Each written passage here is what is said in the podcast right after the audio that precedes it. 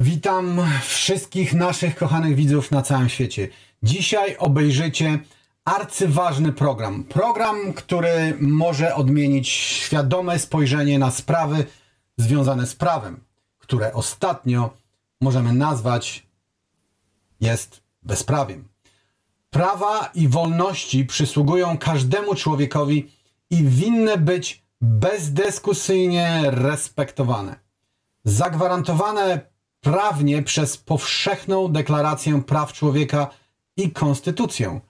Są źródłem niezbywalnej godności. Obserwując dzisiejszy świat, nie mogę oprzeć się wrażeniu, że wolność stała się truizmem, a prawo do samostanowienia to tylko czcze życzenie. Nakazy, zakazy, zasady, reguły, przymus, propaganda, manipulacja. Oto kwintesencja współczesnego, nowoczesnego świata. A kwestionujesz przyjęcie normy? Zostaniesz zepchnięty na margines przez system, współobywateli, pracodawcę, sąsiadów, a wreszcie własną rodzinę. Zrobią z ciebie egoistycznego potwora i winowajcę. Wystraszeni, zmęczeni i zrezygnowani ludzie przystają, na to, aby ktoś na nowo układał im rzeczywistość. Biorą udział w ogólnoświatowym eksperymencie, nie zastanawiając się nad konsekwencjami żyją w hipnozie, aby system pozostawił im namiastkę pseudo-wolności, złudzenie decydowania o swoim jesteństwie. Dostosowują się, ponieważ żyją w przekonaniu, że nie ma innego wyjścia. Nic bardziej mylnego. Dzisiaj, dzięki uprzejmości Moniki, Dzisiejszy program zaszczyciła wyjątkowa osoba, która wytłumaczy nam, w jaki sposób możemy zawalczyć o swoją wolność. Otrzymamy konkretne, niezwykle cenne wskazówki, jak radzić sobie w opresyjnych sytuacjach, kiedy próbuje nam się odebrać możliwość decydowania o sobie. I chcę tu dodać, że ta cała nasza dzisiejsza audycja będzie miała premierę na kanale Moniki. Więc e, wszystkich zapraszamy właśnie, właśnie tam. Traktujcie jej kanał jak mój zapasowy kanał. Subskrybujcie go i rozpowszechniajcie wszędzie, gdzie się da. Monika jest taką naszą lwicą walczącą o wolność w każdej formie i postaci. Ale e, w tej chwili bardzo miło mi jest powitać Monikę Cichocką i jej gościa, panią sędzię Larę, która z przyczyn oczywistych e, wystąpi anonimowo. Moniko, oddaję Ci głos. Witajcie, witajcie, witajcie. Yy, dziękuję bardzo, że nasz kochany gość zdecydował się odważnie u nas wystąpić. Słuchajcie, każde wystąpienie sędziego to jest szczególna sprawa. I muszę podkreślić na samym początku tej audycji, dziękując pani sędzi Larze za wielką odwagę, że żadna informacja, której udzieli w tym programie, nie będzie poradą prawną, będzie jedynie wykorzystaniem przysługującego pani sędzi prawa do edukacji prawnej społeczeństwa. Mam nadzieję, że wszyscy łykniecie tę wiedzę jak coś bardzo, bardzo cennego, będąc wdzięcznym za długie przygotowania, które moja przyjaciółka podjęła dla tej ważnej audycji w tym ważnym momencie. Program będzie miał premierę 6 grudnia. 8 grudnia będą ważne wydarzenia w polskim Sejmie. Mamy nadzieję, że w związku z tymi wydarzeniami i przed nimi otrzymacie odwagę, niezłomność, dobrą myśl, nadzieję i światło w sercu.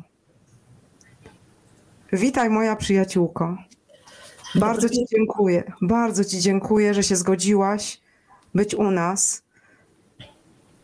Pragnę Cię najpierw zapytać, jak to jest, jak się jest sędzią, karnistą z ponad 20-letnim stażem, jak się patrzy na to wszystko z góry stołu sędziowskiego, na podsądnych, na ten cały świat, któremu się trudno poukładać, któremu trudno zauważyć, gdzie w danej rzeczywistości kto się powinien znajdować, przychodzi wtedy przed Twoje oblicze, staje przed Tobą i jak to jest, bo niektórzy z sędziów interpretują swoją rolę właśnie y, dyscyplinująco, inni edukująco.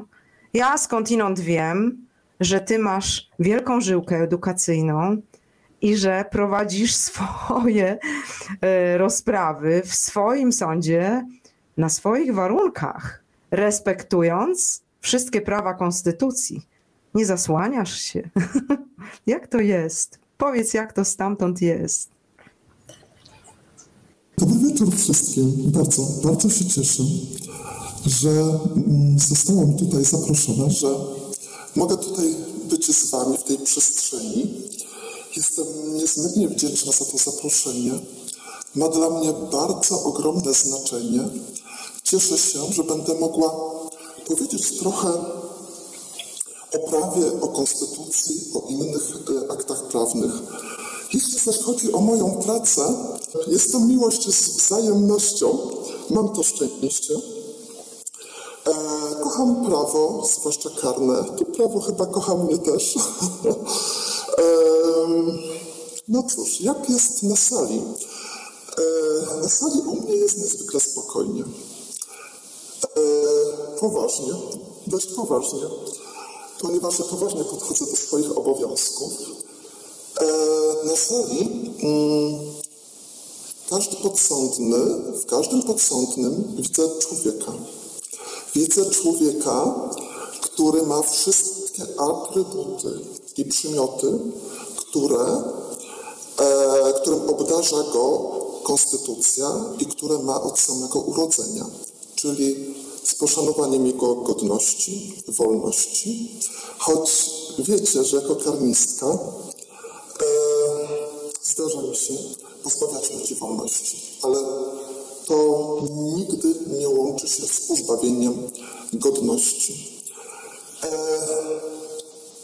proces dochodzenia do prawdy jest fantastyczny i ciągle mnie e, tak frapuje, inspiruje i chciałam powiedzieć, być może was zaskoczę, ale za ten proces dochodzenia do prawdy i za ten finał nie tylko ja jestem odpowiedzialna, choć rzeczywiście to ja sporządzam to orzeczenie. E, ogromną rolę odgrywa oskarżyciel. Ogromną rolę odgrywają świadkowie i inni, inne dowody rzeczowe. A ten najważniejszy e, podsądny, czyli oskarżony, może właściwie nie robić nic. Nie musi dowodzić swej niewinności, nie musi też może korzystać ze swoich praw i powiedzieć, że nie chce brać udziału i ma też w rozprawie i ma do tego e, prawo. E, ten proces dochodzenia do prawdy jest naprawdę skomplikowany, jest trudny, jest żmudny. Ocena dowodów proszę Państwa, to jest tak, że sędzia sobie dowolnie ocenia dowody, ponieważ każdy z kodeksów, czy to postępowania karnego, czy to postępowania cywilnego, przewiduje zasady, jak ma się to odbyć. Także to nie jest absolutnie żadna dowolność. O wyroku sprawiedliwym możemy mówić tylko i wyłącznie wtedy, jeżeli stosujemy wszystkie przepisy, mm, a przede wszystkim konstytucję, o której bardzo, bardzo chciałabym dzisiaj powiedzieć, bo jest ona najwyższym aktem prawnym w Rzeczypospolitej Polskiej. Czy istnieją Czy... jakieś sankcje, jak ktoś łamie konstytucję? Tak, ale zawarte w ustawie, nie bezpośrednio w zapisach konstytucji. Ja może mm, od razu mm, powiem, że bardzo zachęcam wszystkich do czytania konstytucji. Nie bójcie się. Zapisy konstytucji są bardzo jasne, przystępnym mm, językiem napisane, zrozumiałe dla każdego. Zachęcam, bardzo serdecznie zachęcam do czytania jej zapisów, ponieważ znajomość prawa także czyni nas wolnymi. E, ale o tym będę mówiła bardziej szczegółowo później, e, omawiając konkretne już przepisy. Przychodzę tutaj z bardzo dobrą nowiną, ponieważ chcę powiedzieć, że mamy takie przepisy, które chronią naszą wolność, które mm, mówią o naszej godności, która jest e, prawem niezbywalnym. I chcę powiedzieć, że pomimo psucia, notorycznego psucia prawa, zapisy Konstytucji nas chronią. E, w punkcie, w artykule pierwszym Konstytucja mówi wprost, że Rzeczypospolita Polska jest dobrem wspólnym wszystkich obywateli. A to oznacza, że wspólnota obywateli legitymizuje państwo i wszystkie jego organy. Z artykułu drugiego tejże konstytucji wynika, że Rzeczypospolita Polska jest demokratycznym państwem prawnym urzeczywistniającym zasady sprawiedliwości społecznej. Dlaczego o tym mówię? Ten artykuł wyraża trzy bardzo istotne, fundamentalne zasady państwa demokratycznego, państwa prawnego i sprawiedliwości społecznej. To są źródła zasad ustrojowych państwa, w którym żyjemy. I teraz mój ulubiony przepis, który chciałabym tutaj mm, przytoczyć, to jest artykuł czwarty. Władza zwierzchnia Rzeczypospolitej Polskiej należy do narodu. Naród sprawuje władzę przez swoich przedstawicieli lub bezpośrednio. Naród jest suwerenem. Suweren to podmiot sprawujący niezależną władzę zwierzchnią, nie organy, nie władze publiczne, naród. Naród to wspólnota wszystkich obywateli. Cała władza publiczna w Rzeczypospolitej pochodzi od narodu. Oznacza to, że nie ma żadnego innego źródła legitymizującego władzę oraz, że wszystkie polskie organy władzy publicznej czerpią swą legitymacją z zasady zwierzchnictwa narodu. Władza narodu jest nieprzenoszalna i niezbywalna. Sprawowanie władzy zwierzchniej może polegać także na podejmowaniu decyzji bezpośrednio przez naród, a nie przez organy przedstawicielskie. Konstytucja przewiduje dwie formy demokracji bezpośredniej referendum i obywatelską inicjatywę ustawodawczą. Na poziomie ustawowym przewidziane są również konsultacje społeczne organy władzy publicznej w ważnych dla obywateli sprawach, a taką jest ingerencja w prawo do wolności, nie powinna działać arbitralnie. Zasada praworządności.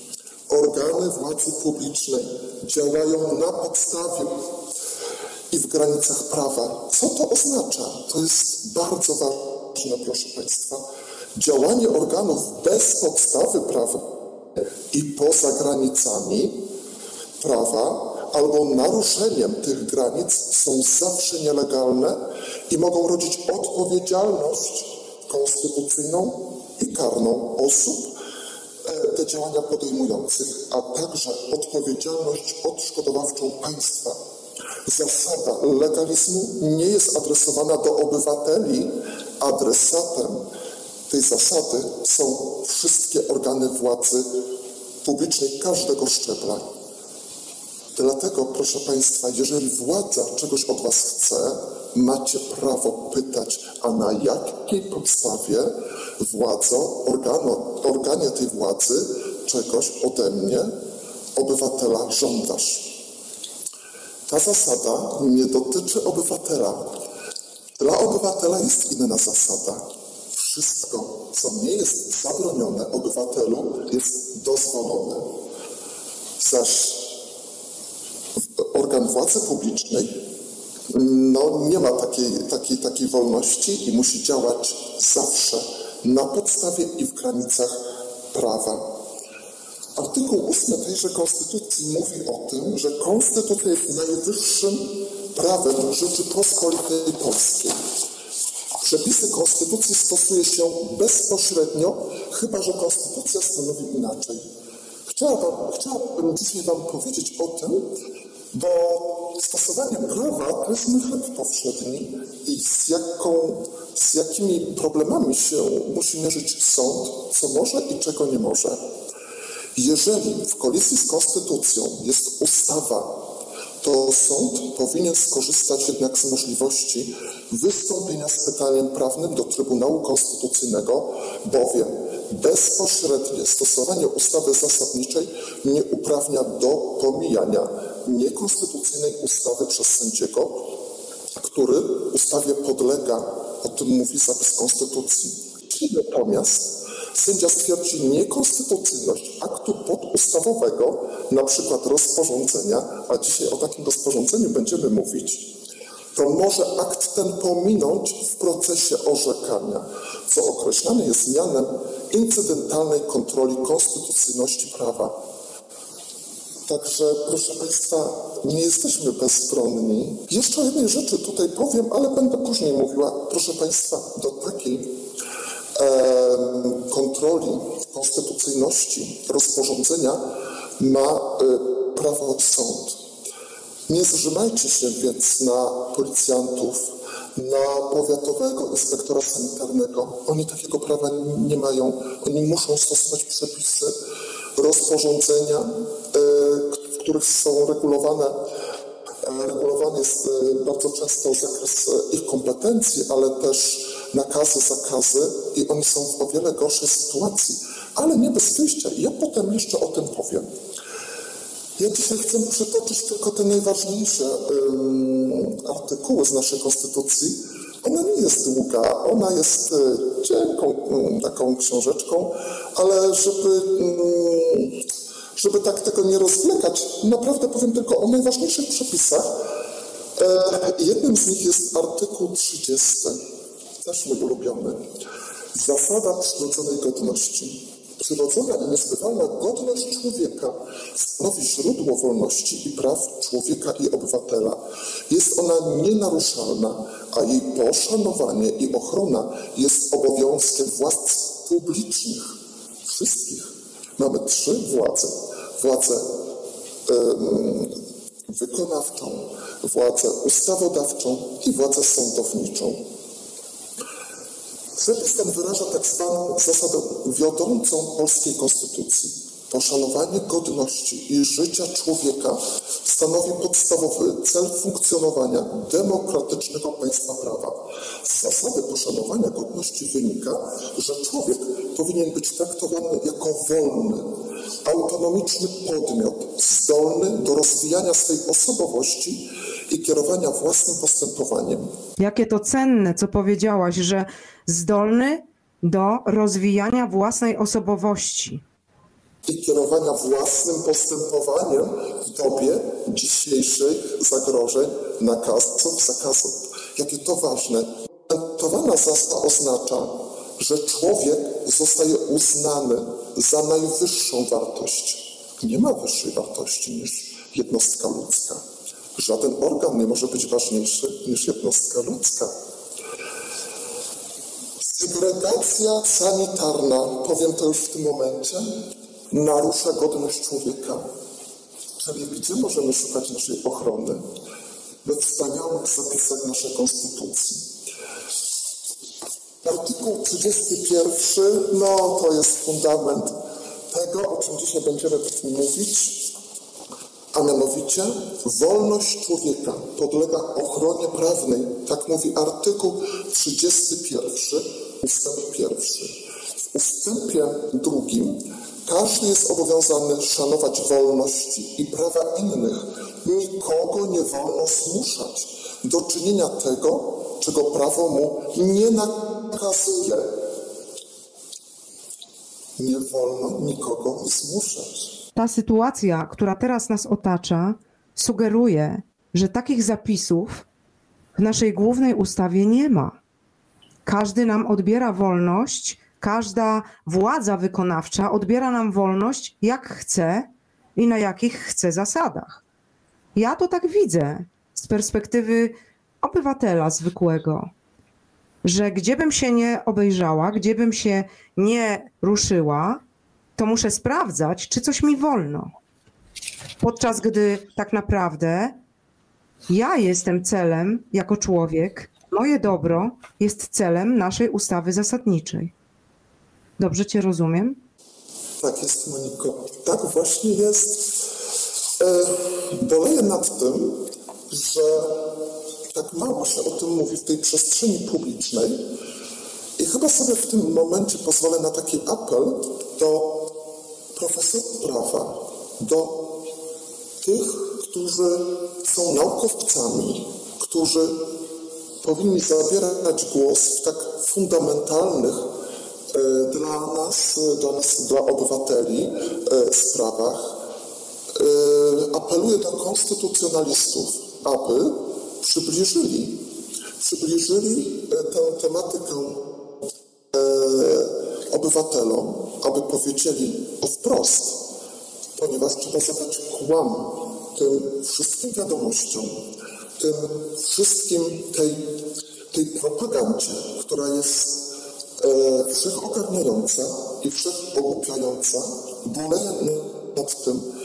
Myślę, że każdy prawnik w tym kraju boleje nad tym, dlatego zgodziłam się tutaj przyjąć to zaproszenie, Moniko, do Ciebie, przyjść do tego programu, do Ciebie, do Endiego i powiedzieć o tak fundamentalnych sprawach, które dla mnie są tak oczywiste, że wybaczcie, ale czasami aż się dziwię, że można tego nie wiedzieć.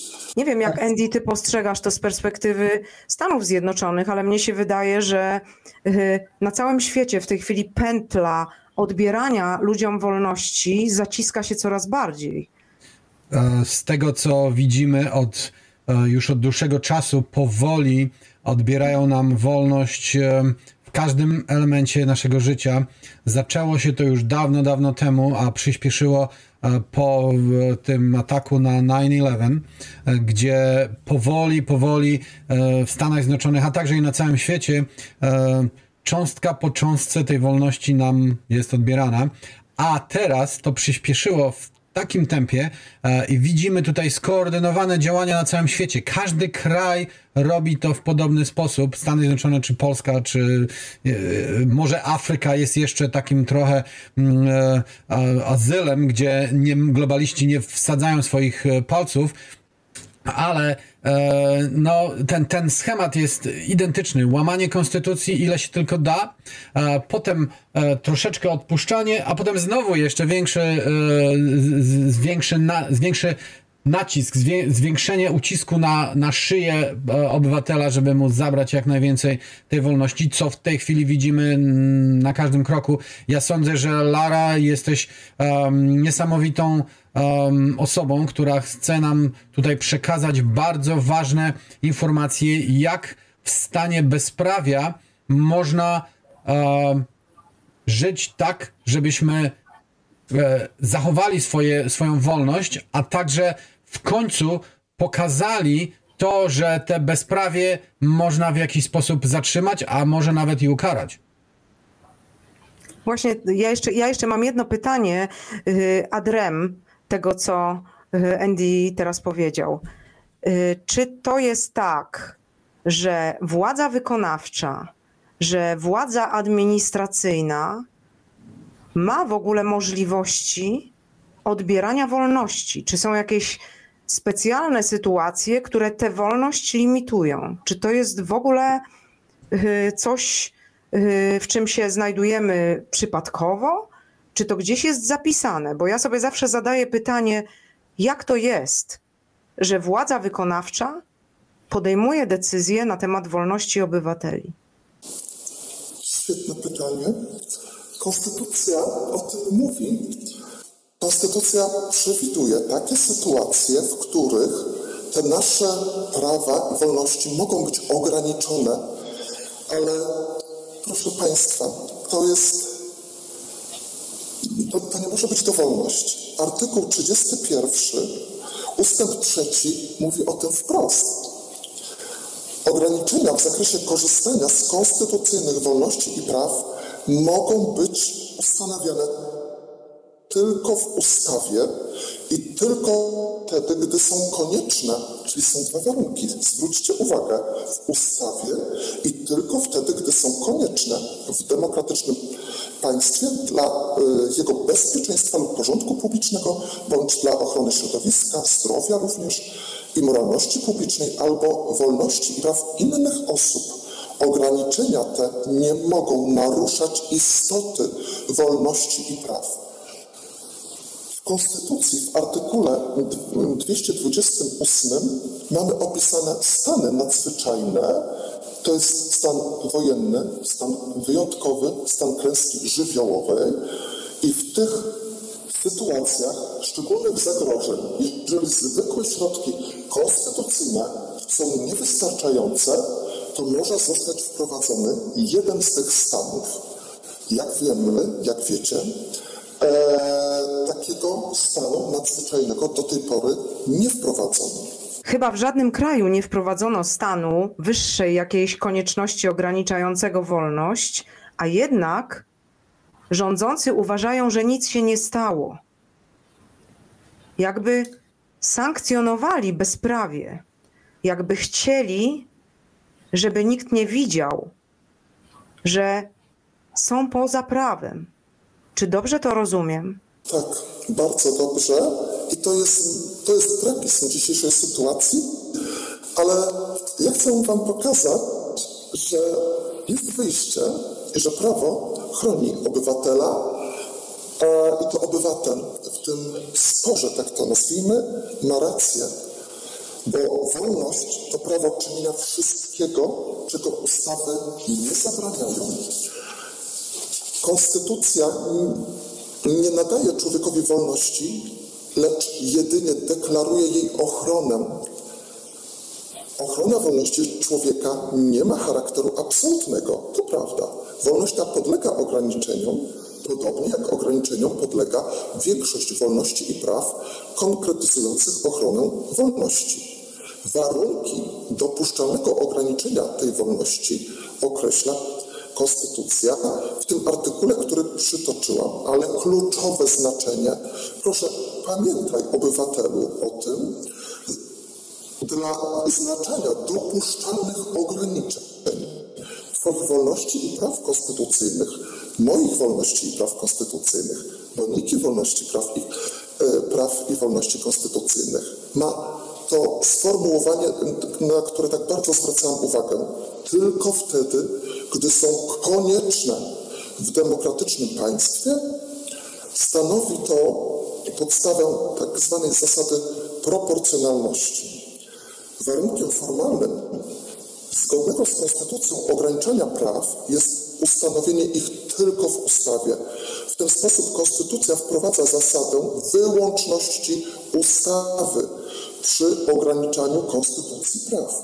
W myśl tej zasady wszelkie istotne kwestie związane z ograniczeniem praw powinny być rozstrzygnięte w ustawie. Tymczasem w okresie pandemii C19 ustawodawca oraz organy władzy wykonawczej doprowadziły do istotnego osłabienia zasady wyłączności ustawy oraz hierarchii źródeł prawa określonej w rozdziale trzecim Konstytucji. Kluczowymi przepisami dla tych działań okazały się artykuł 46 i 46a ustawy o zapobieganiu e, chorób, e, o zapobieganiu oraz zwalczaniu chorób, zakażeń i chorób zakaźnych u ludzi. Przepisy te zawierają bardzo ogólnie sformułowaną e, delegację ustawową, na podstawie której minister do spraw zdrowia oraz Rada Ministrów wydali szereg rozporządzeń ograniczających prawa konstytucyjne. W ten sposób zniesiony został wymóg ograniczenia praw konstytucyjnych w ustawie, dokonywania ograniczeń w oparciu o zasadę proporcjonalności w sposób nie naruszający istoty konstytucyjnych wolności i praw. Ale czy na pewno? Właśnie, czy to znaczy, że mamy stan wyższej konieczności wprowadzony, czy nie? Bo ja nie do końca rozumiem. Rozumiem, że konstytucja określa, że najpierw powinna była pojawić się regulacja dotycząca tego specjalnego stanu, zanim nastąpią następne regulacje prawne. Czy dobrze to rozumiem? Tak. Żaden z tych stanów nadzwyczajnych nie został wprowadzony, ponieważ żeby go wprowadzić, to trzeba spełnić tam pewne regulacje, które zawarte są ustawie, czyli każdy z tych stanów ma swoją ustawę. E, już naprawdę mm, właściwie to omówię ostatni z artykułów. Istotny e, z punktu widzenia naszych praw i wolności artykuł 32, który mówi o zasadzie równości i zakazie dyskryminacji. Jak e, mm, można domniemywać, że, że, że no, organy władzy mają też problem z przestrzeganiem tego artykułu. Za chwilę to wyjaśnię bardziej szczegółowo. To ja to powiem.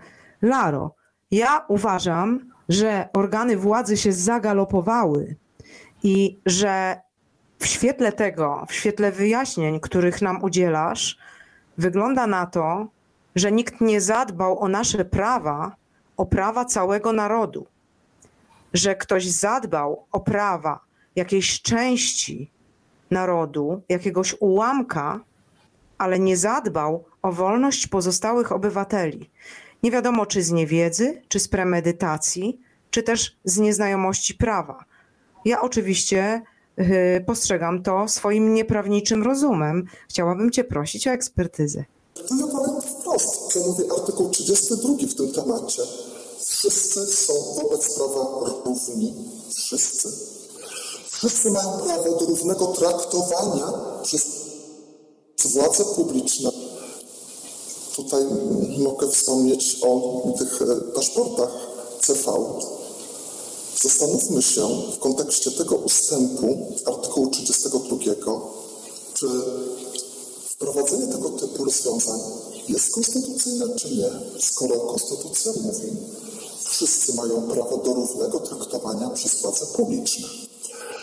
A w ustępie drugim mówi również wprost, nikt nie może być dyskryminowany w życiu politycznym, społecznym lub gospodarczym z jakiejkolwiek przyczyny. Nie ma znaczenia, czy przyjęliśmy preparat, czy go nie przyjęliśmy. Niezależnie od tego, nie, nikt nie może być dyskryminowany i wszyscy powinni być traktowani równo. Dyskryminacja, może tak szybciutko powiem, polega na nieuzasadnionym różnicowaniu osób w oparciu o ich obiektywne cechy. Cechami takimi mogą być płeć, wiek, pochodzenie społeczne, preferencje seksualne i również zaszczypawkowanie. Stanowi ona przejaw kwalifikowanej nierówności, gdyż godzi wartości konstytucyjnie chronione. Dyskryminacja może dotyczyć też cech, które nie mają obiektywnego charakteru, ale są chronione przez prawo. Przykładowo zakazana jest dyskryminacja ze względu na poglądy. Na poglądy. O, jeśli chodzi o poglądy i e, prawo do wyrażania, mamy jeszcze jeden e, wspaniały przepis w Konstytucji, ale nie będę go e, omawiał tylko, zajrzyjcie do artykułu 54. Laro, czy dyskryminacja jest przestępstwem? Tak, mm, są takie sytuacje, kiedy e, dyskryminacja może być przestępstwem. Powiedzmy, że połowa populacji czy połowa narodu jest traktowana lepiej, a druga połowa jest ciągle spychana do, na, do narożnika. Czy to jest wykroczenie? Czy to jest przestępstwo? Jaką to ma rangę? Trudne pytanie, bo jest dość ogólne. Powiem tak, może to być przestępstwo, może to też być i wykroczenie. Ale o tym może powiem później, gdy będę omawiała e, już te konkretne przypadki, bo w kontekście jeszcze tego artykułu 32 Konstytucji pragnę powiedzieć, podkreślić i proszę zapamiętajcie, że przepis ten chroni przed bezprawnym działaniem w szkole, sklepie, przychodni, szpitalu. Jakże to jest ważny przepis. Na tym skończyłem omawianie przepisów z Konstytucji dotyczących naszych praw, wolności. Uważam, że to są najważniejsze. Omówiłam je dlatego, że będzie mi łatwiej później argumentować, dlaczego konkretne przepisy i konkretne rozwiązania e, w tym e, rozporządzeniu, o którym za chwilę powiem, e, są, no powiem wprost, są niekonstytucyjne. I ja jako sędzia mogę tych przepisów nie stosować, rozpoznając indywidualną sprawę każdego, kto wejdzie w kolizję z tym, z tym prawem. Proszę Państwa, e, chciałam powiedzieć, że to głównie e, artykuł 46 ustawy o zapobieganiu oraz zwalczaniu zakażeń i chorób zakaźnych u ludzi dał delegację Radzie Ministrów, która może określić w drodze rozporządzenia na podstawie danych, danych, to też jest słowo klucz, przekazanych przez ministra właściwego do spraw zdrowia, ministra właściwego do spraw wewnętrznych, ministra właściwego do spraw administracji publicznej, głównego inspektora sanitarnego oraz wojewodów, zagrożony obszar wraz ze wskazaniem rodzaju strefy, na którym wystąpił ten stan epidemii lub stan zagrożenia epidemicznego. I w przypadku wystąpienia tego stanu, stanu epidemii lub stanu zagrożenia, może wprowadzić pewne obostrzenia, ale musi spełnić te warunki, musi uzyskać te dane. Proszę Państwa, muszę powiedzieć to dobitnie. Rozporządzenie wydane bez uzyskania takich danych, o których mowa w tym przepisie, jest wydane bezprawnie. Czy takie dane zostały uzyskane, nie wie nikt. Wiem, że z internetu, z tej przestrzeni internetowej, że niektórzy prawnicy w drodze mm, dostępu do informacji publicznej próbowali uzyskać takie informacje. Niestety ich nie uzyskali. Bo tych danych nie ma, a umowy między y, producentami eliksiru a chociażby Unią Europejską są zaczernione. To jest pytanie retoryczne oczywiście. Czy my mamy stan epidemii w takim razie? Nie mamy stanu epidemii, czyli nie ma nikt prawa nam ograniczać wolności. Czy e, możemy w ten sposób złapać nitkę i iść do kłębka e, i załóżmy w, w jakiś sposób e, w końcu podkreślić to, że ci ludzie, którzy to wprowadzają, będą musieli w końcu stanąć przed odpowiedzialnością karną za to, co zrobili. Bo, bo słuchaj, bo ja, ja na przykład e, tutaj um, no, się zacząłem śmiać, jak zrozumiałem, um, jak można łamać konstytucję i nikt na to nie zwraca uwagi.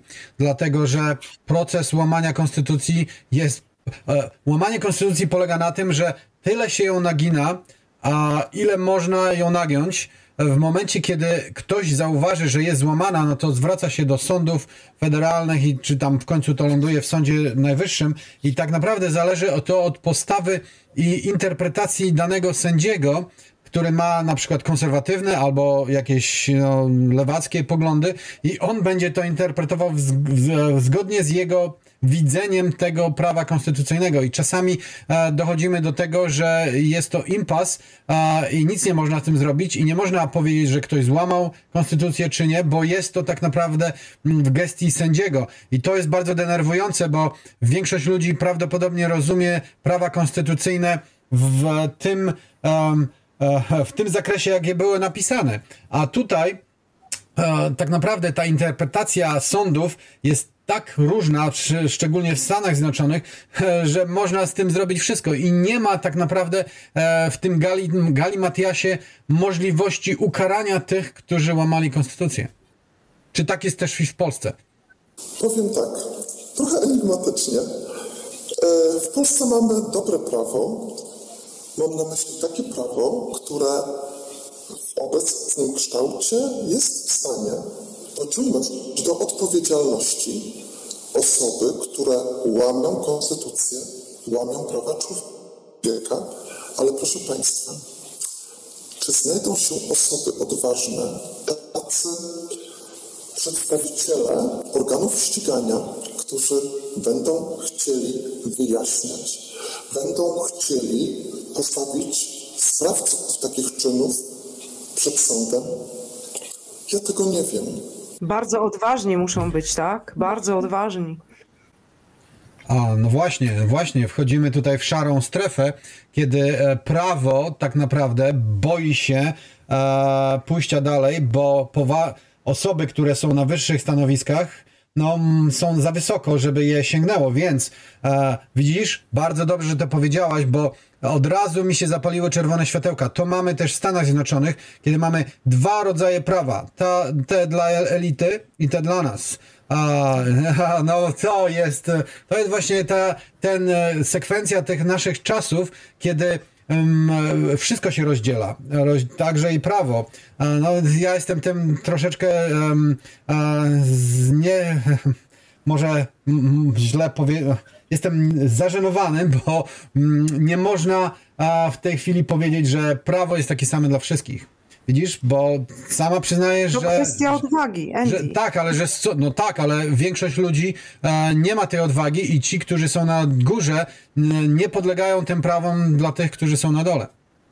No, no, sędziowie też są różni. Ja dlatego zapytałam Larę na początku y, o jej percepcję y, z z pozycji sędziego na sali sądowej, bo wtedy, kiedy nie zapominamy, że na dole stoi człowiek, patrzymy na to zupełnie inaczej, prawda? Jeżeli prawo zmienia się w jakąś y, pustą machinę, która kompletnie zapomina o tym, że podmiotem jego działania jest człowiek, to właśnie dochodzi do takich paradoksów, że staje się różne zależnie od pozycji, którą ktoś zajmuje, prawda? To y, myślę, że przyczyną, praprzyczyną tego wszystkiego jest właśnie y, to, żebyśmy mieli mądrych, odważnych sędziów, którzy umieją wyważyć jak Temida Sędziowie w wielu krajach są ostatnim elementem, który może nas, ma, nas uratować przed e, tyranią e, urzędników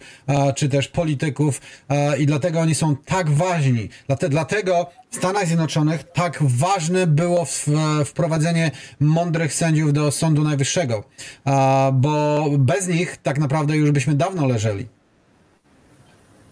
Dobrze, Andy, ale to wiesz, to zapytajmy Larę o to, czy, bo sędzia nie może na to wpłynąć, dopiero sędzia się odezwie w sprawie tego stanu, y, jeżeli już ktoś przed nim stanie jako podsądny. Natomiast tak. póki co nikt z rządzących nie stanął przed żadnym sądem i nie został przez mądrego czy mniej mądrego sędziego zdyscyplinowany. Jesteśmy w sytuacji, w której nikt nikogo nie dyscyplinuje, a każdy z rządzących tak naprawdę robi co chce. Więc y, ta sytuacja narzuca y, na nas, obywateli, zwiększone konieczności właśnie odwagi, y, spokoju i rozumienia prawa.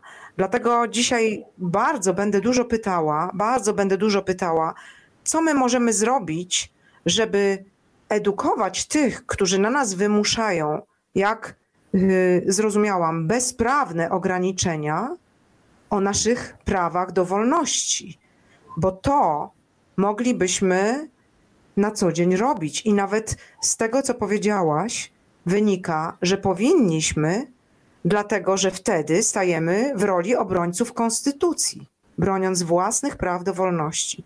Czy prawidłowo Cię rozumiem? Tak, tak. Zgadzam się, całkowicie się z tym zgadzam. Powiem raz jeszcze, że my prawo mamy dość dobre, tylko jest kwestia stosowania tego prawa. W Polsce mamy przecież trzy władze. Ustawodawczą, wykonawczą i sądowniczą. Te władze powinny się w jakiś sposób równoważyć. Ale powiem to wprost, władza sądownicza jest władzą najsłabszą i jest spychana do narożnika. E, To się dzieje ze szkodą dla praw podstawowych wolności obywatela. E, Chcę pokazać na podstawie właśnie tej ustawy z 5 grudnia 2008 roku, która jest źródłem nałożenia na nas, obywateli, e, szeregu restrykcji, między innymi nakazano nam zakrywanie ust i nosa w określonych okolicznościach i przestrzeniach, miejscach, Eee, Ten nakaz mamy od e, 29 listopada 2020 roku e, właśnie w ustawie. Dla niektórych, niestety też prawników, jest to mm, delegacja ustawowa do tego rozporządzenia, o którym będę mówić, ale ja powiem, że ja się z tym nie zgadzam, ponieważ ta ustawa z dnia 5 grudnia o zapobieganiu i i zwalczaniu zakażeń i chorób zakaźnych mówi wyraźnie, że ustanowienie określonych ograniczeń nakazów i zakazów może mieć miejsce na, na e, zagrożonym obszarze wobec osób chorych i podejrzanych o zachorowanie.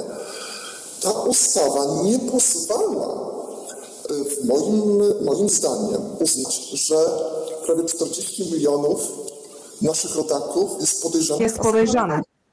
tak, to jest nadużycie, absolutnie z tym się nie można zgodzić. E, powiem tak, nie jestem odosobniona w tym, to oczywiście jest e, moja interpretacja tych przepisów, ale ona nie jest wzięta, powiem tak trywialnie, od czapy. Posłużę się tutaj orzecznictwem wojewódzkich sądów administracyjnych, e, w których to orzeczeniach podkreślane jest to, że Rada Ministrów wydała rozporządzenie z przekroczeniem delegacji ustawowej. Nie mogli tego zrobić na terenie całego kraju.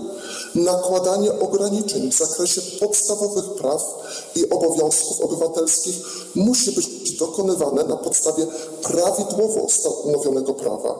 Konstrukcja, konstrukcja ograniczenia praw winna być tylko w granicach upoważnienia ustawowego. Wytyczne dla każdego z zagadnień muszą mieć charakter konkretny, a tych wytycznych w tej ustawie nie ma. Obowiązek powszechny, generalny nie mieści się w granicach delegacji ustawowej. Nie może być tak, że rozporządzenie Rady Ministrów aktualnie nam e, obowiązujące z dnia 6 maja 2021 roku w sprawie ustanowienia określonych ograniczeń, nakazów i zakazów w związku z wystąpieniem stanu epidemii, które zmienia się z prędkością światła,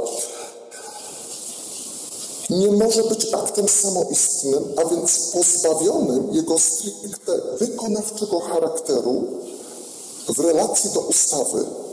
Rozporządzenie ma być aktem wykonawczym do ustawy, a nie ją zastępować, czyli zapisy w rozporządzeniu nie mogą być w kolizji z zapisami ustawy, a tym bardziej konstytucji.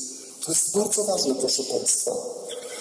W konsekwencji podejmowana w tym zakresie samoistna działalność prawotwórcza doprowadziła do objęcia regulacjami rozporządzenia materii ustawowej i naruszenia szeregu podstawowych wolności i praw jednostki, w tym przemieszczania się, zgromadzeń i innych. Zgodnie z artykułem 31 ustępem 3 Konstytucji ograniczenie w zakresie korzystania z konstytucyjnych wolności i praw mogą być ustanawiane tylko w ustawie i tylko wtedy, gdy są konieczne w demokratycznym państwie dla bezpieczeństwa porządku publicznego i innych szczegółowo wymienionych. Wszystko wygląda na to, że jest nielegalne grubymi nićmi szyte. No i wie, Polacy, musicie się Może dlatego, że społeczeństwo tego nie rozumie, to jest szyte takimi grubymi nićmi, że jest za mało edukacji prawnej tym zakresie, prawda? I wiecie co Bo- jeszcze? Jest strach, wielki strach i taka inercja, e, która powstała. Ludzie się e, nie potrafią z tego obudzić, dlatego tak jest. Ale to No i przejdzie. ten strach jest indukowany, Andy, wiesz. Pod- podgrzewany w telewizorze, w telewizorze masz mnóstwo straszenia, tak? I zachętę, żebyś przyjął eksperymentalny preparat, który uchroni cię przed wszystkim. Najpierw miał cię przed wszystkim uchronić, później cię okazało, że przed niczym nie uchroni narodu, bo transmisja tak zwanego wirusa celebryty nie jest dzięki niemu ograniczana, że nie chroni przed zachorowaniem, nie chroni przed zarażeniem, jest eksperymentem. O właśnie, i teraz mamy taką kwestię, o którą chciałabym Cię zapytać. O status prawny właśnie tych preparatów eksperymentalnych. Jak to jest? Czy człowieka można namawiać do przyjęcia preparatu, co do którego sam producent w ulotce pisze, że nie wie, jakie będzie jego długofalowe działanie, że tylko przypuszcza, że może w czymś pomóc, którego nie pozwala opisać szczegółowo, ponieważ precyzuje, że jest to preparat w fazie testów klinicznych, w trzeciej fazie testów klinicznych, które się zakończą w grudniu 2023 roku, co do którego nie ma żadnej ulotki. Każdy, kto idzie przyjąć ten preparat, nie dostaje żadnej dokumentacji, numeru serii, nie ma żadnej informacji szczegółowej. Niektórych nawet nie kwalifikuje do przyjęcia tego preparatu lekarz. Wydaje mi się, że to wszystko jest bardzo, bardzo bezprawne. Co na ten temat powie moja przyjaciółka, sędzia? Powiem, powiem, mam tutaj bardzo ciekawe dla Was e, informacje oparte na przepisach.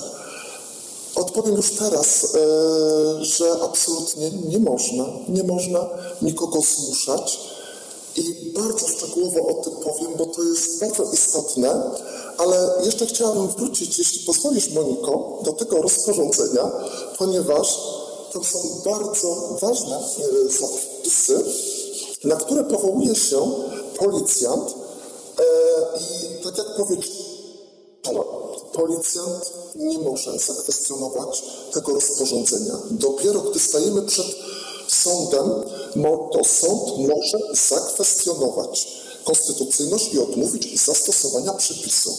Ja tylko powiem, że źródłem wszelkich nieszczęść jest paragraf 25, który mówi o obowiązku zakrywania ust i nosa i on jest taki długi, ja nie będę zanudzać i on mówi w jakich przestrzeniach, gdzie musimy mieć zakryte, e, zakryte, e, e, nos i usta,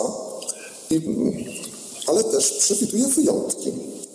W ustępie czwartym i mówi tutaj tak, że tego nakazu nie stosuje się E, w przypadku między innymi w punkcie czwartym osoby, która nie może zakrywać ust lub nosa z powodu a. całościowych zaburzeń rozwoju, zaburzeń psychicznych, niepełnosprawności intelektualnej w stopniu umiarkowanym, znacznym albo głębokim, b.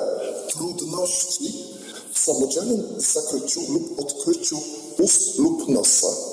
Proszę Państwa, jeżeli miał e, jakąś trudność z jakiegoś powodu e, w zakryciu, to czy mogę się powołać na ten przepis? Jak myślicie? Mogę. Oczywiście. Jeżeli ja jestem śpiewaczką, i ze względów medycznych, na przykład ze względu na y, komfort moich śluzówek w drodze na przedstawienie, nie powinnam zakładać żadnych zasłon na usta i nos, to znaczy, że mam trudność, prawda? Dokładnie. Dokładnie masz przeciwwskazania.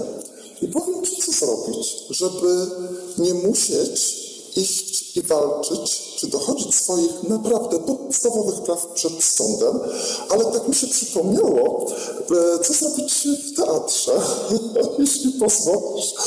Jest taki zapis, który mówi, że osoby wykonujące czynności zawodowe, a ty takie wykonujesz w teatrze, ja w sądzie, e, zawodowe, służbowe lub zarobkowe w budynkach użyteczności e, publicznej osoba może być zwolniona z takiego obowiązku zakrywania ust i nosa, jeżeli zarządzający budynkiem tak postanowi. Zarządzający budynkiem.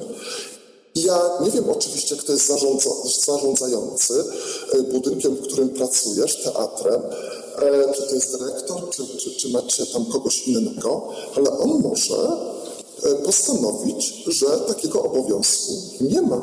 Może postanowić, że taki obowiązek istnieje. Tak, bo się powoła na to rozporządzenie.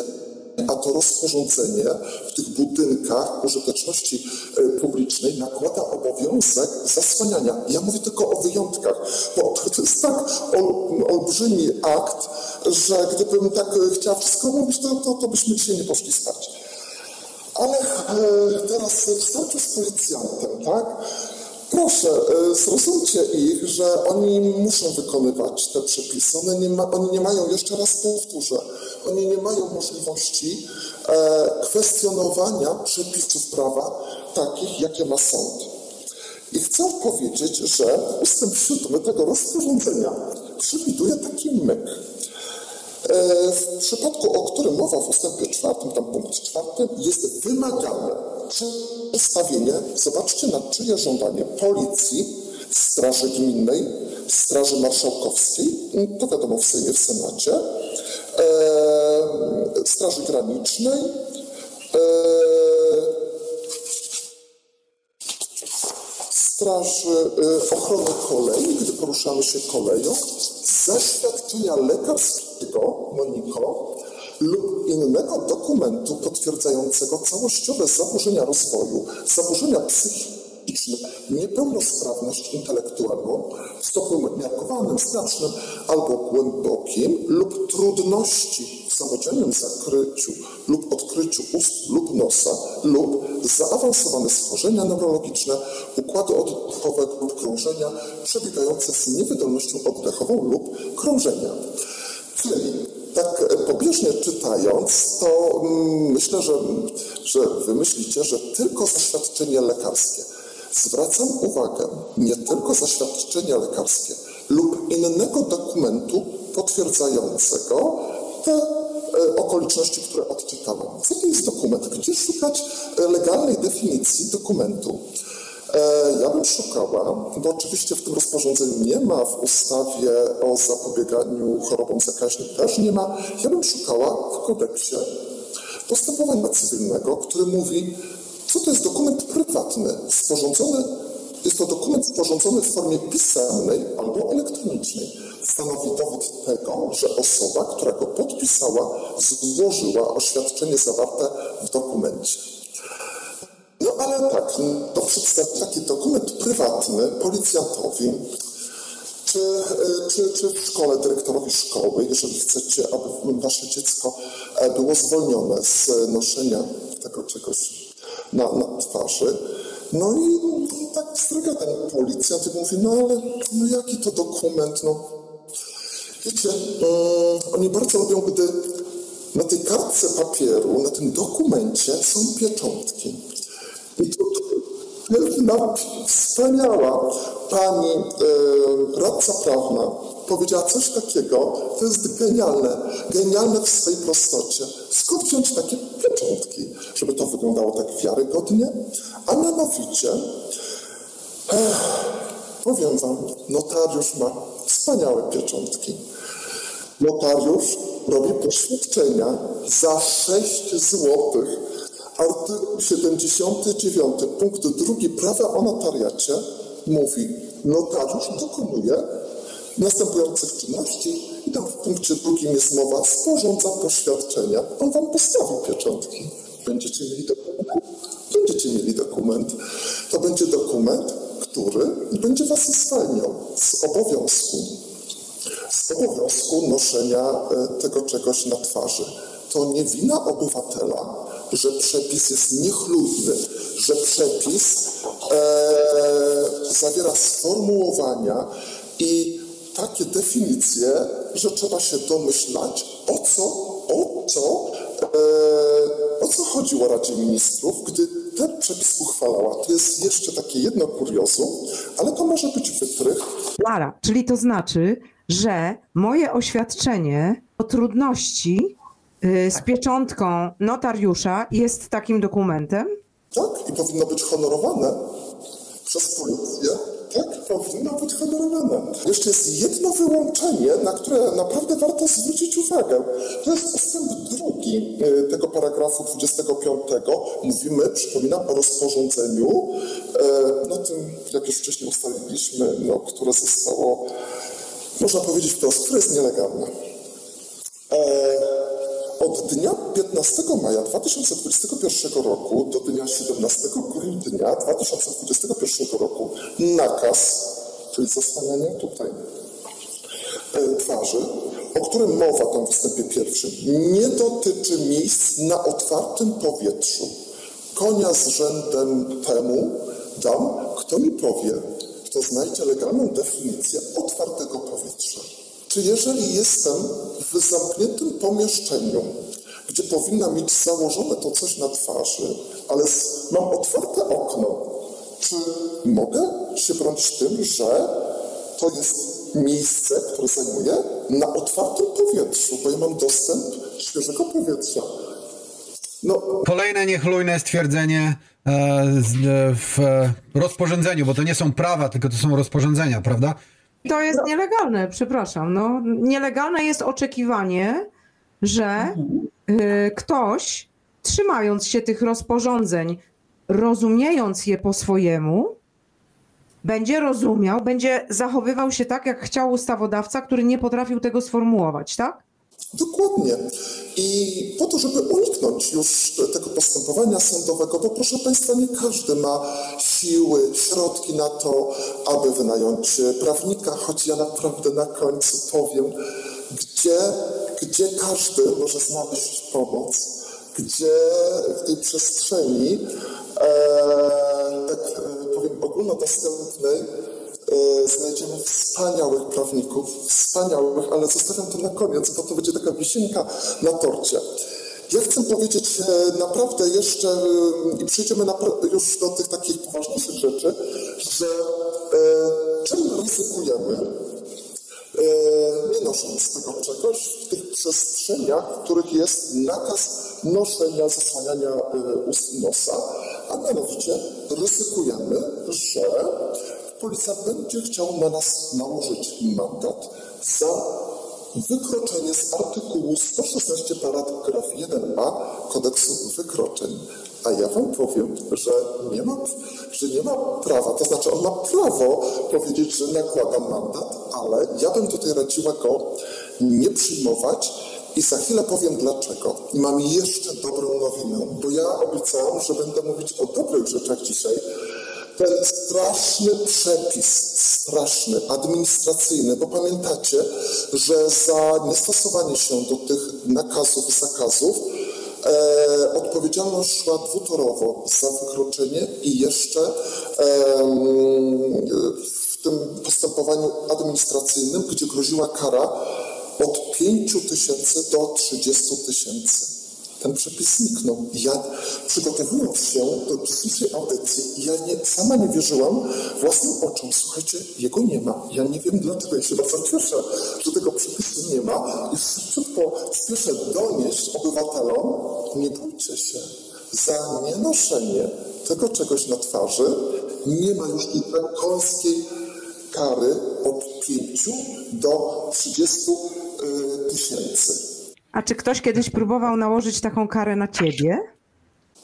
E, nie. E, chciałem powiedzieć, że tu, gdzie orzekam, w mojej miejscowości jest bardzo dużo świadomych istot, które bardzo kulturalnie odmówiły przyjęcia, e, przyjęcia mandatu, a wtedy policjant skierował wniosek do, o ukaranie za wykroczenie z tego artykułu 116 paragraf 1a kodeksu wykroczeń do, do sądu. I ja te postępowania umorzyłam. Ja nikogo nie ukarałam za, um, za to, że gdzieś w przestrzeni publicznej e, no, nie zastosował się do tego nakazu zasłaniania ust i nosa. Cudownie, że to omówiłaś, bo to jest bardzo logicznie przeprowadzone dowodzenie, że tak naprawdę nie musimy się do tego stosować. Ja tylko proszę, nie kłóćmy się z tym policjantem. On naprawdę nie. Powiedzmy, powinniśmy być pouczeni, że odmawiamy przyjęcia mandatu. Jeśli odmawiamy przyjęcia mandatu, to yy, no cóż, będziemy dochodzić swoich praw przed sądem i powiem Wam tak, mamy bardzo dużą szansę na to, że nasza argumentacja, którą za chwilkę podam, będzie e, przez sąd uznana i zakończy się postępowanie naprawdę sukcesem. Nie bójcie się postępowań w sprawach o wykroczenia, ponieważ to są naprawdę proste postępowania. E, tam nie trzeba mieć jakiejś specjalnej wiedzy prawniczej, chociaż to zagadnienie naprawdę mm, budzi jest rozdźwięk.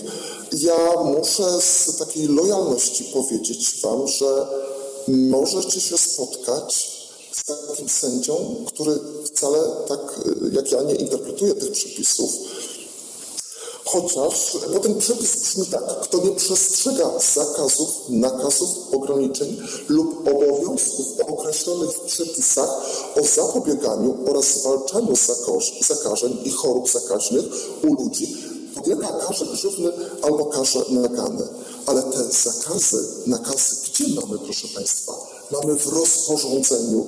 Nadal nie mamy ich w ustawie, bo pamiętacie, mówiłam o tym, że ta ustawa o zapobieganiu tym chorobom zakaźnym mówi, ona tam zawiera pewne warunki i mówi, że te obostrzenia mogą być tylko na określonym obszarze, tak? Gdzie, tam, gdzie występuje to zagrożenie epidemiologiczne. To właśnie ten przepis stanowi w obecnej chwili najgroźniejszy oręż policji w walce z osobami naruszającymi obowiązek noszenia szkładki.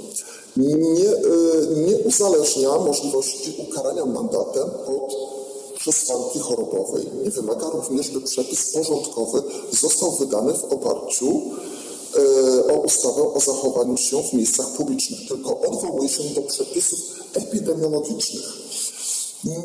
Nie ma epidemii w sensie medycznym, w sensie politycznym oraz medialnym jest. Nie ma stanu y, specjalnego, stanu wyjątkowego żadnego. To jest warunek, żeby to działało, tak? Powiedzmy to jasno.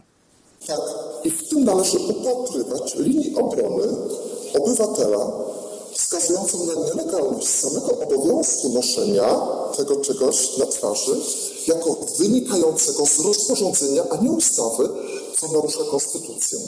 W tym wypadku atakujemy, w cudzysłowie, nie przepis kodeksu wykroczeń, bo wielu sędziów powie, no tu mamy przepis ustawowy, ja już nie mam tu nic do e, powiedzenia, tak, musiałbym e, zwracać się do Trybunału Konstytucyjnego o uchylenie. Ale zobaczcie, my tu nie będziemy atakować przepisu ustawowego, bo my tu atakujemy przepis rozporządzenia a do oceny y, konstytucyjności rozporządzenia sędzia ma prawo, a policjant niestety nie. Powiedz, y, bo mówimy o policji, ale czy na przykład jeśli ktoś wiesza gdziekolwiek ogłoszenie, że nie zgadza się y, sklep, budynek użyteczności publicznej, tak jak powiedziałaś, że nie wolno wejść tam bez szmatki na twarzy, czy bez kagańca, tak? Że nie wolno tam wejść. Czy ma prawo tak postąpić? Nie ma takiego prawa i obiecuję, za chwilę o tym powiem, nakaz stosowania zakrywania ust i nosa na całym obszarze kraju wobec osób zdrowych jest przekroczeniem delegacji ustawowej, co czyni go nakazem nieobowiązującym e, w tym zakresie. A skoro tak, to nie może rodzić odpowiedzialności na gruncie artykułu 116 paragraf 1 kodeksu wykroczeń. Konstytucja Rzeczypospolitej bezwzględnie zabrania ograniczania praw obywateli poza tymi, które zostały wskazane w tym artykule 228 Konstytucji. Ograniczenia te mogą być ponadto wprowadzone wyłącznie ustawą i wyłącznie przy jednoczesnym wprowadzeniu stanu nadzwyczajnego. Oznacza to, że rozporządzenie nie może być źródłem. Powtarzam to jak mantrę, ale żeby wszyscy o tym pamiętali. Rozporządzenie nie może być źródłem ograniczania praw i wolności obywatelskich. I teraz chciałabym powiedzieć o tym zachęcaniu do szczypawkowania przeciw C19 i czy to jest eksperyment medyczny, czy nie.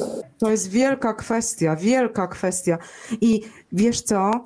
Chciałabym, żebyś uwzględniła w swojej wypowiedzi, jeżeli mogę Cię poprosić, coś, co stało się nagminne, czyli że mamy taką poprawność polityczną, że y, trzeba wystawić ramię i zachęcać wszystkich dookoła, żeby to przyjęli w imię odpowiedzialności za innych, mimo że dane mówią, że to innym nie pomaga, nie pomaga nawet Tobie. Takie są oficjalne dane pozyskane na drodze dostępu do informacji publicznej przez ludzi, którzy piszą te pisma.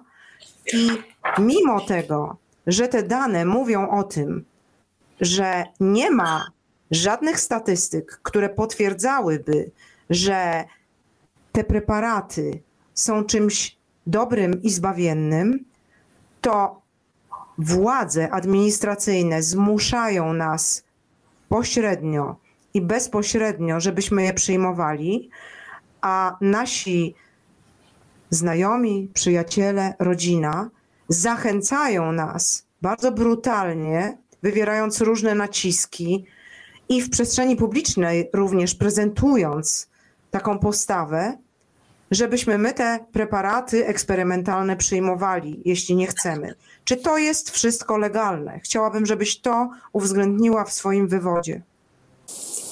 Tak, powiem wprost. Zachęcanie do szczepawkowania przeciw C19 jest jednoznaczne z zachęcaniem do wzięcia udziału w eksperymencie medycznym. Na gruncie aktualnych przepisów prawnych te szczepawki w ramach tak zwanego Narodowego Programu są eksperymentem medycznym, co wynika bezpośrednio z artykułu 37a ustęp 2 ustawy prawo farmaceutyczne, zgodnie z którym badanie kliniczne produktu leczniczego jest eksperymentem medycznym z użyciem produktu leczniczego przeprowadzonym na ludziach w rozumieniu przepisów ustawy z dnia 5 grudnia 1996 roku o zawodach lekarza i lekarza dentysty, zwanej dalej ustawą o zawodzie lekarza. Szczypawkowania przeciwko C19 znajdują się w trzeciej fazie badań klinicznych, a końcowy raport kliniczny z tych badań ma zostać przedstawiony najwcześniej pod koniec 2022 roku. Dlatego też udział każdej osoby biorącej udział w tym szczypawkowaniu przeciwko C19 należy kwalifikować jako udział w eksperymencie medycznym, na co uczestnik musi wyrazić świadomą i dobrowolną zgodę. Doprecyzowanie, doprecyzowanie zasad oraz procedur badań klinicznych e, z udziałem małoletnich, bo to teraz taki palący i bardzo aktualny problem zostało zawarte, muszę o tym powiedzieć, w rozporządzeniu ministra zdrowia z dnia 30 kwietnia 2004 roku w sprawie sposobu prowadzenia badań klinicznych z udziałem małoletnich w wykonaniu przepisu artykułu 37h ust. 2 ustawy prawo farmaceutyczne i w paragrafie 9 tego rozporządzenia wprowadzony został warunek stanowiący kryterium dopuszczalności badań z udziałem osób małoletnich. To jest wymóg zakończenia badań klinicznych na młodych zwierzętach laboratoryjnych, zanim rozpoczną się badania kliniczne z udziałem małoletnich. Takie badanie nie zostało wykonane. A jak się nazywa minister zdrowia Polski w tej chwili? Trzeba zapisać jego imię. Trzeba zapisać jego imię na przyszłość. Tak. I teraz coś dla nauczycieli, dla nas rodziców. Promocja szczypawkowania w szkole stanowi niedopuszczalną reklamę produktu leczniczego. Wszelkie działania dyrekcji szkoły w materii promowania tego czegoś są niezgodne z artykułem 37e, z artykułem 53 ustęp 3 prawa farmaceutycznego, zgodnie z którym reklama produktu leczniczego nie może być kierowana do dzieci, ani zawierać żadnego elementu, który jest do nich kierowany. I powiem Wam, naprawdę nieznajomość prawa szkodzi. E, Tutaj może taki apel do Rady Rodziców. Powiedzcie swoim, e, swoim dyrektorom, dyrektorom szkół, uświadomcie ich, e, przekażcie im to, ponieważ oni bardzo ryzykują. E, ryzykują nawet odpowiedzialnością karną, o której tu będę za chwileczkę mówić. Właściwie już od razu będę o tym mówić, e, ponieważ nikt nie może się zas, zasłaniać nieznajomością prawa. E, dyrektor szkoły to jest funkcjonariusz publiczny. I każdy, kto zachęca do, zachęca albo wywiera nacisk do y, szczypawkowania, musi się liczyć z odpowiedzialnością karną, dlatego że zachęcanie czy zmuszanie do przyjęcia preparatu, który jeszcze jest w fazie badań klinicznych, nie ma statusu leku, jest eksperymentem, jest niezgodne z prawem. Czy to jest przestępstwo, czy wykroczenie, jak to się nazywa? Już mówię. Spieszę szybciutko powiedzieć, że dyrektor szkoły nie posiada żadnych uprawnień do prowadzenia akcji reklamowych oraz promocyjnych produktów leczniczych. Reklamą oraz promocją produktów leczniczych mogą zajmować się wyłącznie osoby o odpowiednich kwalifikacjach zawodowych, medycznych, po odpowiednim przeszkoleniu. Nie sposób za takie osoby uznać nauczycieli w naszej szkole. Zgodnie z treścią artykułu 109, 120, 129 ustawy Prawo farmaceutyczne każdy, kto prowadzi reklamę produktów leczniczych bez wymaganej zgody, o której mowa w tej ustawie Prawo farmaceutyczne, podlega karze grzywny, jak za przestępstwo. Pięknie. Brawo! Pięknie, Tak. pięknie.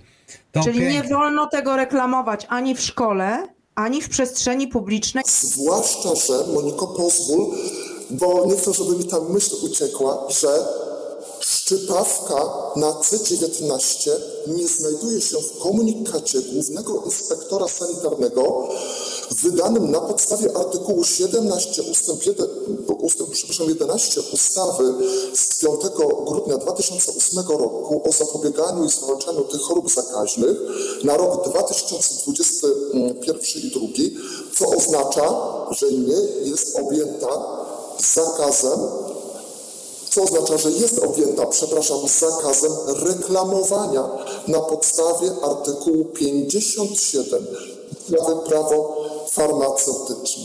Nikt nie ma prawa reklamować szczypawek. Ja bym chciała, żeby to polski sędzia powiedział. Powiedz to. Mogę to powiedzieć tak e, z powołaniem na, się na przepis, go mam tutaj przed oczami.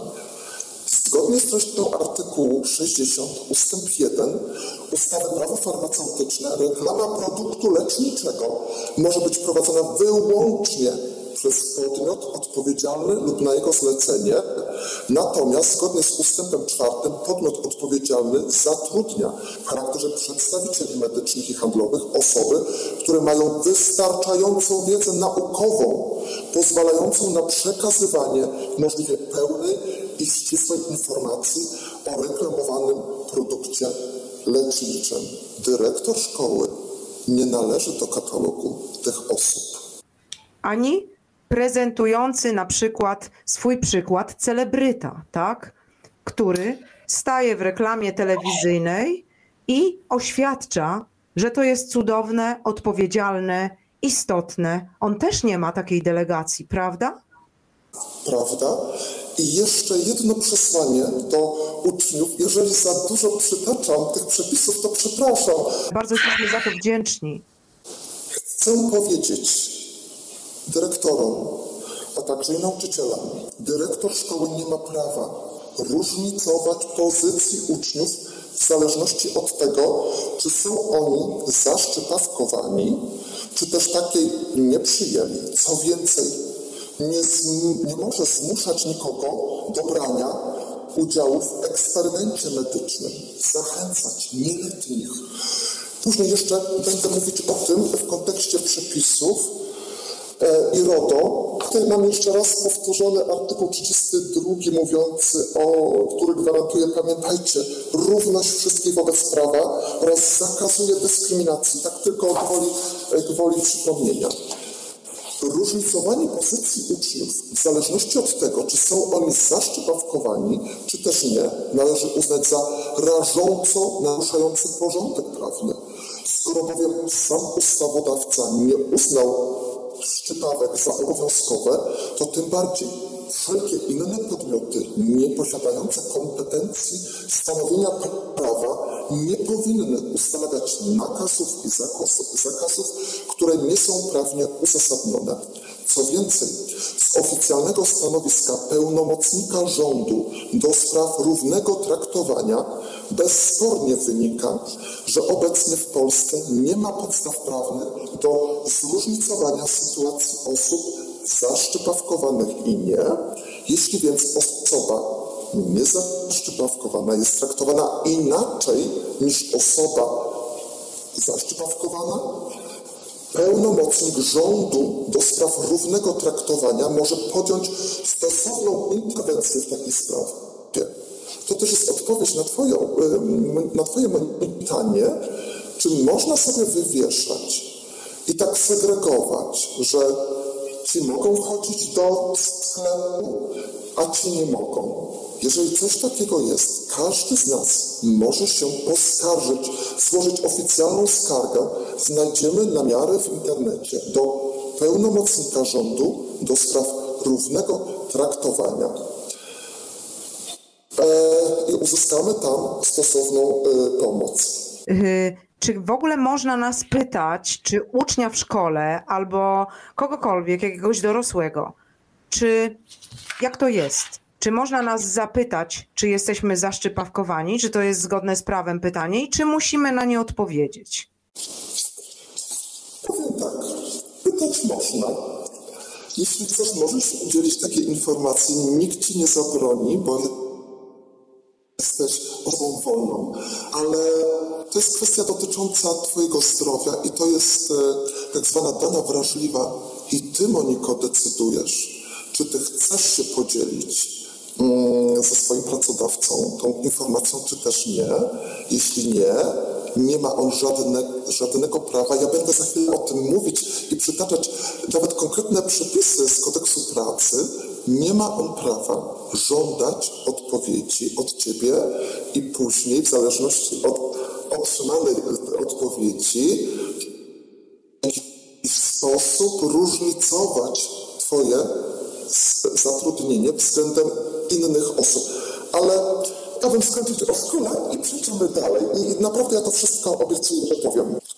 Zgodnie z artykułem 9 ustępem pierwszym rozporządzenia Parlamentu Europejskiego i Rady Unii Europejskiej z dnia 27 kwietnia 2016 roku w sprawie ochrony osób fizycznych w związku z przetwarzaniem danych osobowych i w sprawie swobodnego przepływu takich danych oraz uchylenia tam dyrektywy, w skrócie zwane RODO, zabrania się przetwarzania danych osobowych wrażliwych a to jest dana osobowa wrażliwa, przez podmioty nieuprawnione, do których zalicza się szkoła. Dane wrażliwe można przetwarzać przede wszystkim pod warunkiem wyrażenia zgody przez osobę, której te dane dotyczą.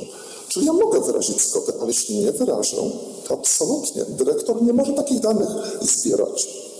Nieuprawnione przetwarzanie danych odnoszących się do zaszczypawkowania przeciw C19 może skutkować nałożeniem na szkołę bądź pracodawcą kar pieniężnych przez prezesa Urzędu Ochrony Danych Osobowych zgodnie z artykułem 83 RODO oraz artykułem 102 ustęp 1 punkt 1 ustawy o ochronie danych osobowych. Dodatkowo osoby z personelu szkolnego, które uczestniczyłyby w takim procederze, mogą ponieść odpowiedzialność karną przewidzianą w artykule 107 ustęp 2 ustawy o ochronie danych osobowych. Nie wyklucza to też dochodzenia przez poszkodowanych roszczeń cywilnoprawnych. Czy naprawdę dyrektorzy, czy dyrektorzy szkół, dyrektorzy yy, różnych placówek chcą ryzykować taką drakońską odpowiedzialność? Oni są w większości wypadków e, politycznymi e, e, naganiaczami, czy też aktywistami, dlatego tak się dzieje, nie? Dlatego trzeba ich przytemperować i to, co robisz, jest taką żyletką, która tak. tak, ładnie tnie dla nas te informacje, ładnie je segreguje. Perfekt, dziękujemy Dobrze, Ci. ja jeszcze, ja jeszcze jedno pytanie mam odnośnie właśnie tej ustawy o danych wrażliwych. Bo wszyscy wiemy, że każda osoba zaszczypawkowana znajduje się w ogólnie dostępnej aplikacji, tak, w której są zawarte jej dane o dawce, o, tym, o tych wszystkich informacjach, które służą do wystawienia jej certyfikatu zwanego y, tym paszportem, tak? I każdy właściwie na podstawie jakichś rozporządzeń, a nie na podstawie ustaw, ma do tego dostęp. Czy to jest zgodne z prawem? Moniko, to nie jest zgodne z prawem. Możesz się poskarżyć e, tutaj do prezesa Urzędu Ochrony Danych Osobowych, e, że Twoje dane wrażliwe e, są dos- ogólnie dostępne. Ktoś je tam udostępnia, że Ty nie wyraziłeś na to zgody i grożą naprawdę drakońskie kary. Zaszczypawkowany, który nie chce, żeby ktoś wiedział, że on jest zaszczypawkowany, równie z tym, kto jest niezaszczypawkowany i nie chce, żeby ktoś wiedział, że jest niezaszczypawkowany, ma prawo do oprotestowania obecności w tej bazie. zgłoszenia skargi do tego prezesa, e, prezesa Urzędu Ochrony Danych Osobowych. Tak, kary są drakońskie, naprawdę. W przestrzeni publicznej promowane jest twierdzenie, że Narodowy Program Szczepawkowania przeciw C19, zwany dalej programem, nie spełniał kryteriów, kryteriów eksperymentu medycznego. Jako główny argument podaje się przy tym fakt uzyskiwania bieżących, wymiernych korzyści z tego szczypawkowania, zarówno dla uczestników programu, jak i dla zdrowia publicznego. A jak to się ma z punktu widzenia przepisów? Z punktu widzenia przepisów prawa jest to bezprzedmiotowa argumentacja.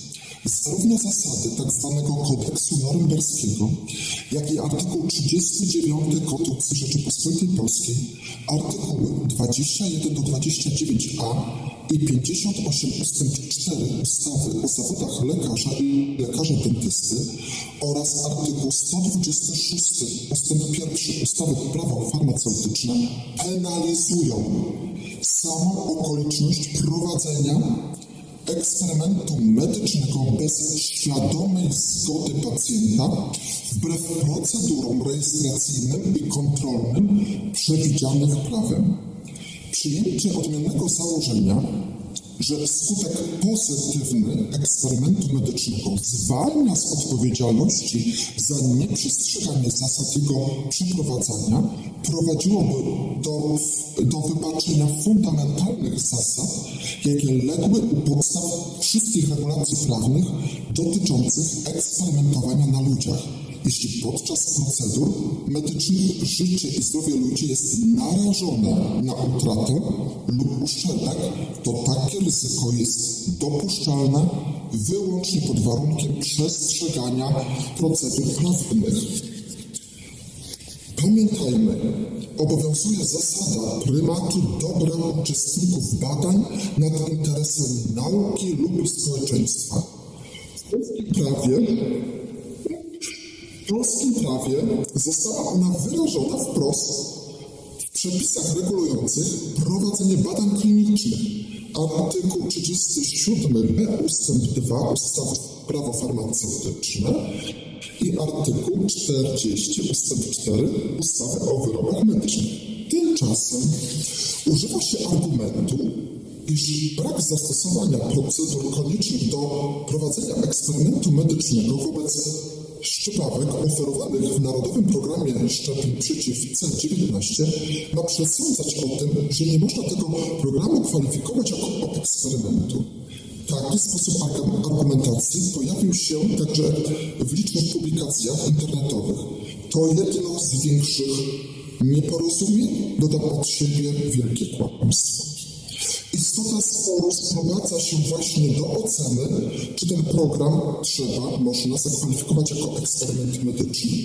Dopiero wtedy, po uznaniu, że szczepawkowanie przeciw C19 posiadają cechy eksperymentu medycznego, brak wymaganych procedur, na przykład rejestracja opinia Komisji Bioetycznej, świadoma zgoda uczestników, skutkuje negatywnymi konsekwencjami prawnymi wynikającymi z przepisów ustawy o zawodach lekarza i zawodzie i lekarza dentysty oraz prawa farmaceutycznego. Przejdźmy zatem do oceny Narodowego Programu Szczepawkowania przez pryzmat cech, jakie posiadają z tych szczepawek, które w ramach tego programu są oferowane.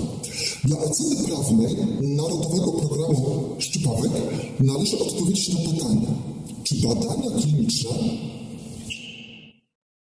szczepawek zostały zakończone, czy, czy też trwają nadal i jakie to ma znaczenie w odniesieniu do zagadnienia eksperymentu medycznego.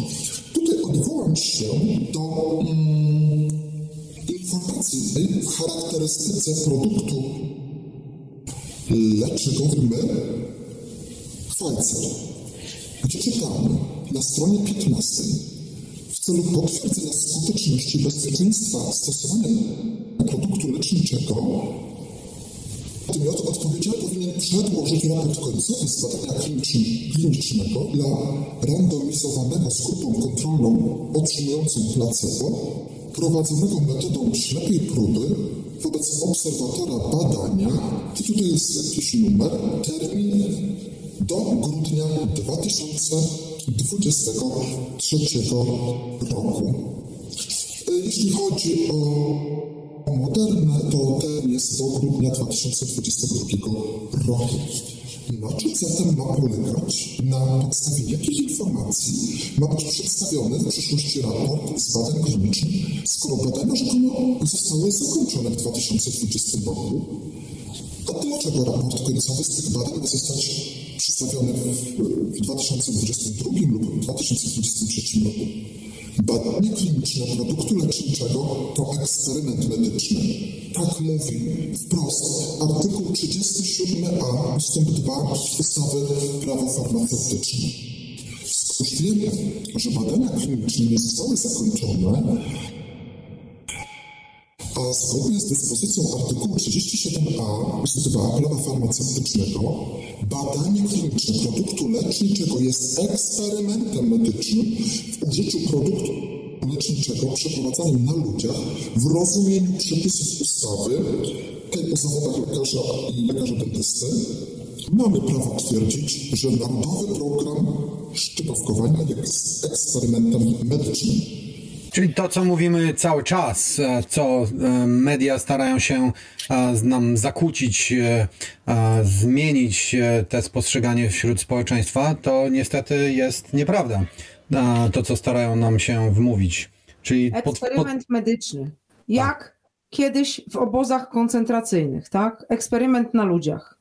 Wszyscy pacjenci otrzymujące szczepawki przeciwko C19 w świetle prawa poddawani są eksperymentowi medycznemu.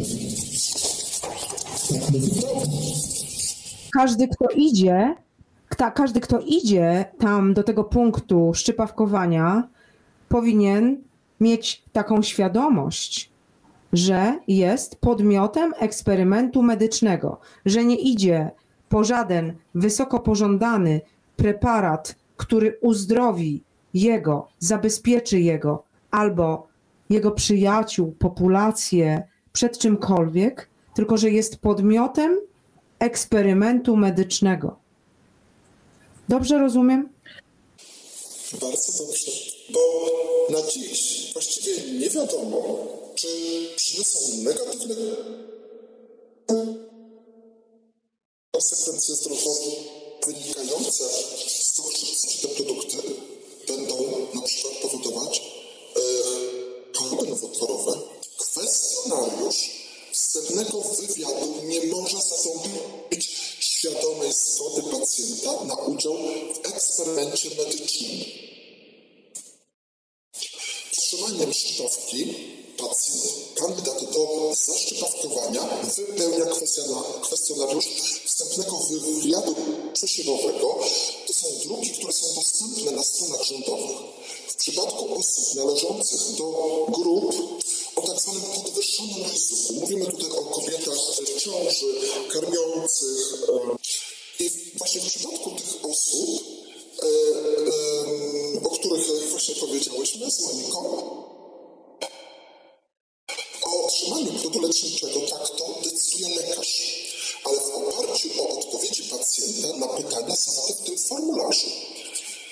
E, uważam, że ta procedura konsultacji lekarskich przypomina ocenę ryzyka wystąpienia powikłań po szczepowaniu stosowaną na przykład w przypadku kwalifikacji do szczepień obowiązkowych zgodnie z programem e, a ten, jeżeli chodzi o szczepawkowanie e, przeciwko C19, to mamy przecież dobrowolność, tak? Jakie to ma znaczenie? Żaden lekarz nie dysponuje na podstawie tego kwestionariusza, wypełnionego kwestionariusza, nie dysponuje w przypadku tych osób danymi umożliwiającymi ocenę ryzyka w zakresie okoliczności, które nie były objęte badaniami producenta oraz nie zostały zweryfikowane przez regulatora Europejską Agencję Medyczną w procedurze dopuszczenia tych produktów leczniczych do stosowania. Ta procedura nie może też skutecznie zastąpić obowiązkowego uzyskania świadomej zgody na udział w eksperymencie medycznym.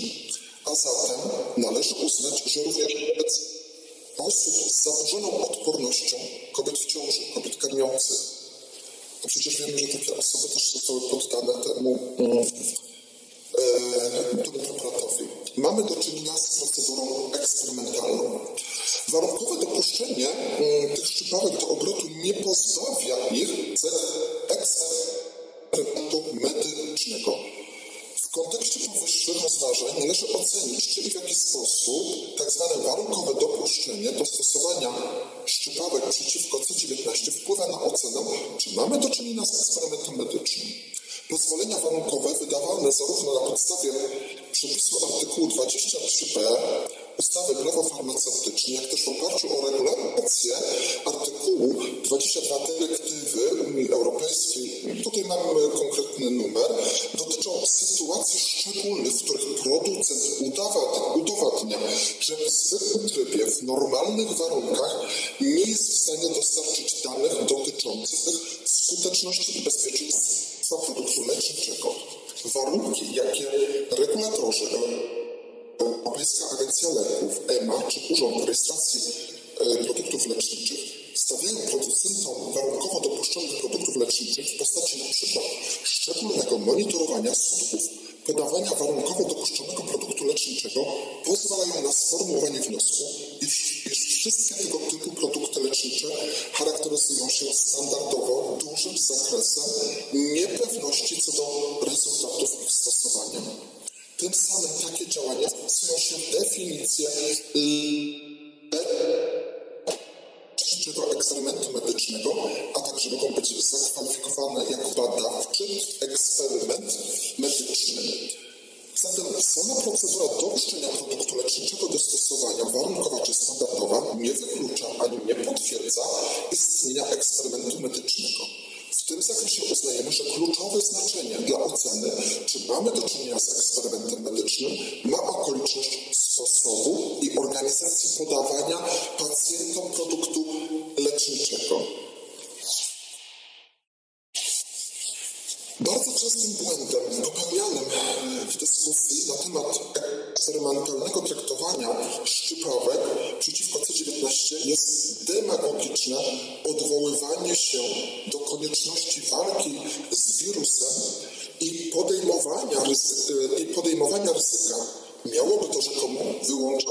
szczypawki spod regulacji dotyczących eksperymentów.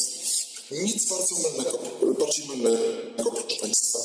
Eksperymentowość z produktami leczniczymi można, a nawet trzeba, ale zgodnie z prawem przeprowadzać, a więc po uzyskaniu świadomej zgody pacjenta z wyłączeniem określonych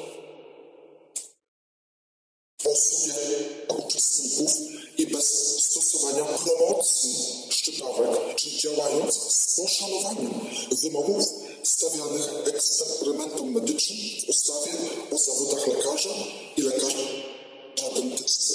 Oferując tym Polakom szczypawki w ramach tego programu narodowego, należało ich poinformować, że uczestniczą w eksperymencie medycznym i przed otrzymaniem takiej eksperymentalnej szczypawki muszą wyrazić świadomą zgodę na jej przyjęcie.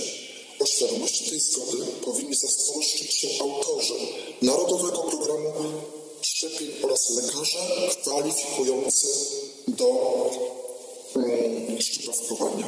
To nie działa wszystko tak. To jest tak, że przychodzimy zachęceni, znaczy nie ja, ale y, y, obywatele Polski przychodzą zachęceni do jakiegoś namiotu na rynku jakiegoś małego powiatowego miasteczka, w którym nie ma żadnego lekarza, nie ma nikogo, kto kwalifikuje do przyjęcia iniekcji, tylko siadają, podaje im się zastrzyk, oni podpisują jakąś karteczkę, nawet nie wiedzą jaką, nie mają ani numeru seryjnego, ani daty przydatności, bo jeżeli zdarzy się NOP, w którym można zgłosić do 28 dnia, to trzeba mieć te dane. Serię i numer przyjętego preparatu, datę jego przydatności. Tylko wtedy, jeżeli mamy te dane ze sobą, możemy zgłosić NOP. Jeżeli nie mamy tych danych, a dostajemy iniekcję z wieloporcjowej fiolki, jeżeli nie mamy tych danych, to nie możemy zrobić nic. Natomiast nikt mi nie powie, że celebryta zachęcający do przyjęcia iniekcji w telewizji jest uprawniony do udzielenia stosownej informacji, na podstawie której człowiek przychodzący do tego punktu w powiatowym mieście jest uświadomiony o tym, że jest podmiotem eksperymentu medycznego, w którym bierze udział i na którego konsekwencje się domyślnie zgadza. Tak? Tak? Nie byłabym sobą, gdybym nie powiedziała, że w mojej ukochanej konstytucji jest przepis, który mówi o eksperymencie e, naukowym, w tym i medycznym. Wiecie? To jest artykuł 39 Konstytucji. Nikt nie może być poddany eksperymentom naukowym, w tym medycznym, bez dobrowolnie wyrażonej zgody. A mój ukochany kodeks karny idzie jeszcze dalej.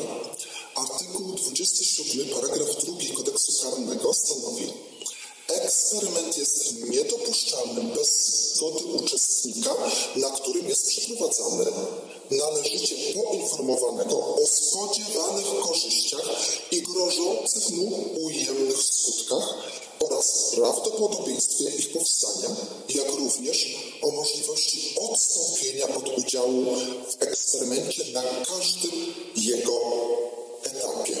Niesamowite. To jest po prostu niesamowite, jak wobec nas łamie się prawo. Jak zostaliśmy ogłupieni? Oszukano nas. Oszukani, właśnie. Bo czy, ktoko, czy w ogóle słyszeliście w polskiej prasie, czy tam mediach, że ktokolwiek o tym wspomniał na początku, czy w, w trakcie, że jest to eksperyment medyczny? Czy były jakieś takie informacje? To tylko niezależne media to poruszały. Normalna, normalna, oficjalna, a, tam mainstreamowa, am, ten, ten szlam tego nie poruszał. Nie? Nie ma żadnej informacji o działaniach ubocznych. To jest wyrwane mediom nieoficjalnym, prawda? Bo wielu wybitnych lekarzy się wypowiada w mediach nieoficjalnych. Oni są dyskredytowani, ich głos jest zagłuszany, są usuwani i wymazywani z mediów nieoficjalnych także za sprawą różnych tam y, akcji, które mają ich wyciszyć. Niektórzy również giną, tak? Tak się dzieje niestety po to, żeby ta informacja się nie pojawiła. A jeżeli w telewizorze jest tylko propaganda pozytywna, tworząca wokół wydarzenia tego narodowego programu aurę wyjątkowego, ratującego ludzkość programu, któremu wypada się poddać, jak wypadało kiedyś pójść na wojnę jako mięso armatnie, to słuchajcie, wy się temu poddajecie i się nie boicie? Przecież nikt nie wie, co będzie dalej. Mamy to prawo powiedzieć, jesteśmy wolni i mamy prawo powiedzieć nie na każdym etapie. Czyli nawet jeżeli pojawisz się w przychodni, jeżeli już siedzisz na fotelu i uznasz, że jednak ci przeszło i że nie masz chęci być podmiotem eksperymentu medycznego, to możesz wstać i wyjść. Prawda, Laro? Prawda? E, czy ktoś z Was wie, co to jest kwarantanna i kto ją może nałożyć? No właściwie chyba w tej sytuacji nikt. Dobrze. Kwarantanna mm, to jest e, odosobnienie osoby zdrowej, która była narażona na zakażenie w celu zapobieżenia szerzeniu się chorób, szczególnie niebezpiecznych i wysoce zakaźnych. Czyli sanepid. Sanepid. No, organ, pewien organ, blisko, blisko, ale nie tak ogólnie. Stosownie do przepisu artykułu 33 ustępu pierwszego. W związku z ustępem trzecim i ustępem trzecim a ustawy o nałożeniu kwarantanny rozstrzyga państwowy, powiatowy inspektor sanitarny w drodze decyzji, słowo klucz, w drodze decyzji, której nadaje się rygor natychmiastowej wykonalności. Jeżeli jest to decyzja, to, to jest trochę tak, jak ja wydaję wyroki w postępowaniu karnym. W postępowaniu administracyjnym e, organy, którym jest powiatowy inspektor sanitarny, wydaje decyzję, trochę taki wyrok. Na, natychmiastowej wykonalności. Ale SMS-em nie można. Bo teraz Polacy dostają SMS-a, że są na kwarantannie. Tak, i o tym chcę powiedzieć, oczywiście. I teraz tak, decyzja taka, e, tak jak powiedziałam, e, no, musi być wydana na piśmie, zgodnie z KPA, doręczona i tak dalej. E, Jeżeli taka decyzja jest wydana w przypadku podejrzenia zaka- zakażenia lub choroby, szczególnie niebezpiecznej i wysoce zakaźnej, stanowiącej bezpośrednie zagrożenie dla zdrowia lub życia innych osób, wówczas obowiązują następujące dodatkowe zasady. Decyzja może być przekazywana, przekazana w każdy możliwy sposób zapewniający dotarcie decyzji do adresata ustnie, ale to nie zwalnia z obowiązku wydania na piśmie. E, Decyzja e, wtedy nie wymaga e, uzasadnienia. Jeżeli decyzja jest przekazana w sposób inny niż na piśmie, jest następnie doręczana na piśmie po ustaleniu przyczyn uniemożliwiających doręczenie w ten sposób no, możemy sobie wyobrazić, że mogą być takie sytuacje, że no, jakaś taka okropna choroba zakaźna, że naprawdę nikogo nie będziemy narażać na to, żeby doręczył ten list tej osobie podejrzanej o jakąś taką no, naprawdę zakaźną chorobę. Także te przepisy tu jest ok. Tymczasem nasze sławetne rozporządzenie, nad którym dzisiaj się pastwię okrutnie, regula, reguluje, e, regulację tę uzupełnia w ten sposób, że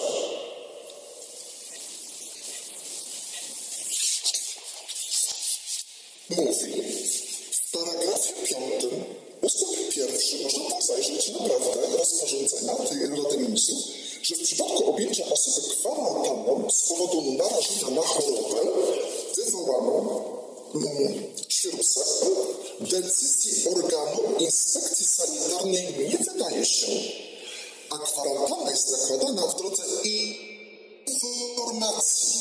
Stanowi rażące w mojej ocenie przekroczenie delegacji ustawowej, bo przepis niż e, przepis e, e, niższej rangi nie może uchylać przepisów wyższej rangi. Rozporządzenie jest niżej niż ustawa, skoro ustawa mówi, że e, decyzję wydaje się, to rozporządzenie nie może mówić, że nie, nie, nie wydaje się i że nakładana jest w drodze informacji po prostu nie wierzyłam, jak to, jak to przeczytałam. Czytałam dwa razy i myślałam, że, że, że mam problem ze wzrokiem. I teraz rozumiem, skąd się biorą te SMS-y. Możemy się bronić w ten sposób, jak powiedziałam, nie ma decyzji, nie jest właściwie doręczona, nie ma stanu yy, klęski żywiołowej, tak, gdzie można byłoby te rzeczy rzeczywiście inaczej regulować, to przepraszam bardzo, mój adres jest znany, yy, skrzynkę pocztową mam, yy, nie ma powodu, żeby można mnie zawiadomić, jak najbardziej, ja nie mówię, żeby nie dzwonić, nie uprzedzać, ale skutek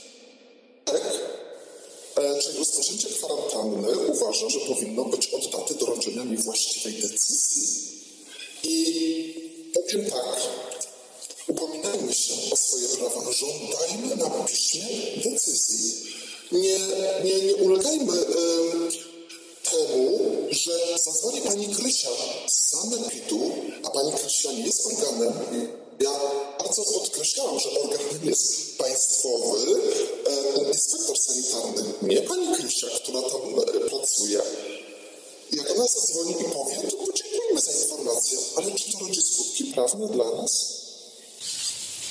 Czyli widać z tego, że ci, którzy tworzyli te wszystkie rozporządzenia, robili to tak szybko, w pośpiechu, że oni nie wiedzieli, co robią. Nie wiedzieli, co czynią, żeby zaspokoić ich własne um, takie, um, no powiedziałbym, terrorystyczne działania. W, w Albo przeciw... uznali, że ludzie są głupi, wiesz, Andy. I nie będą, nie będą zwracać na to uwagi. Żeby tego żeby to śledzić, nie? Czyli, czyli mamy do czynienia z elitą, która chce kontrolować szarą masę i szara masa musi się praktycznie słuchać tego, co oni e, wyplują z siebie.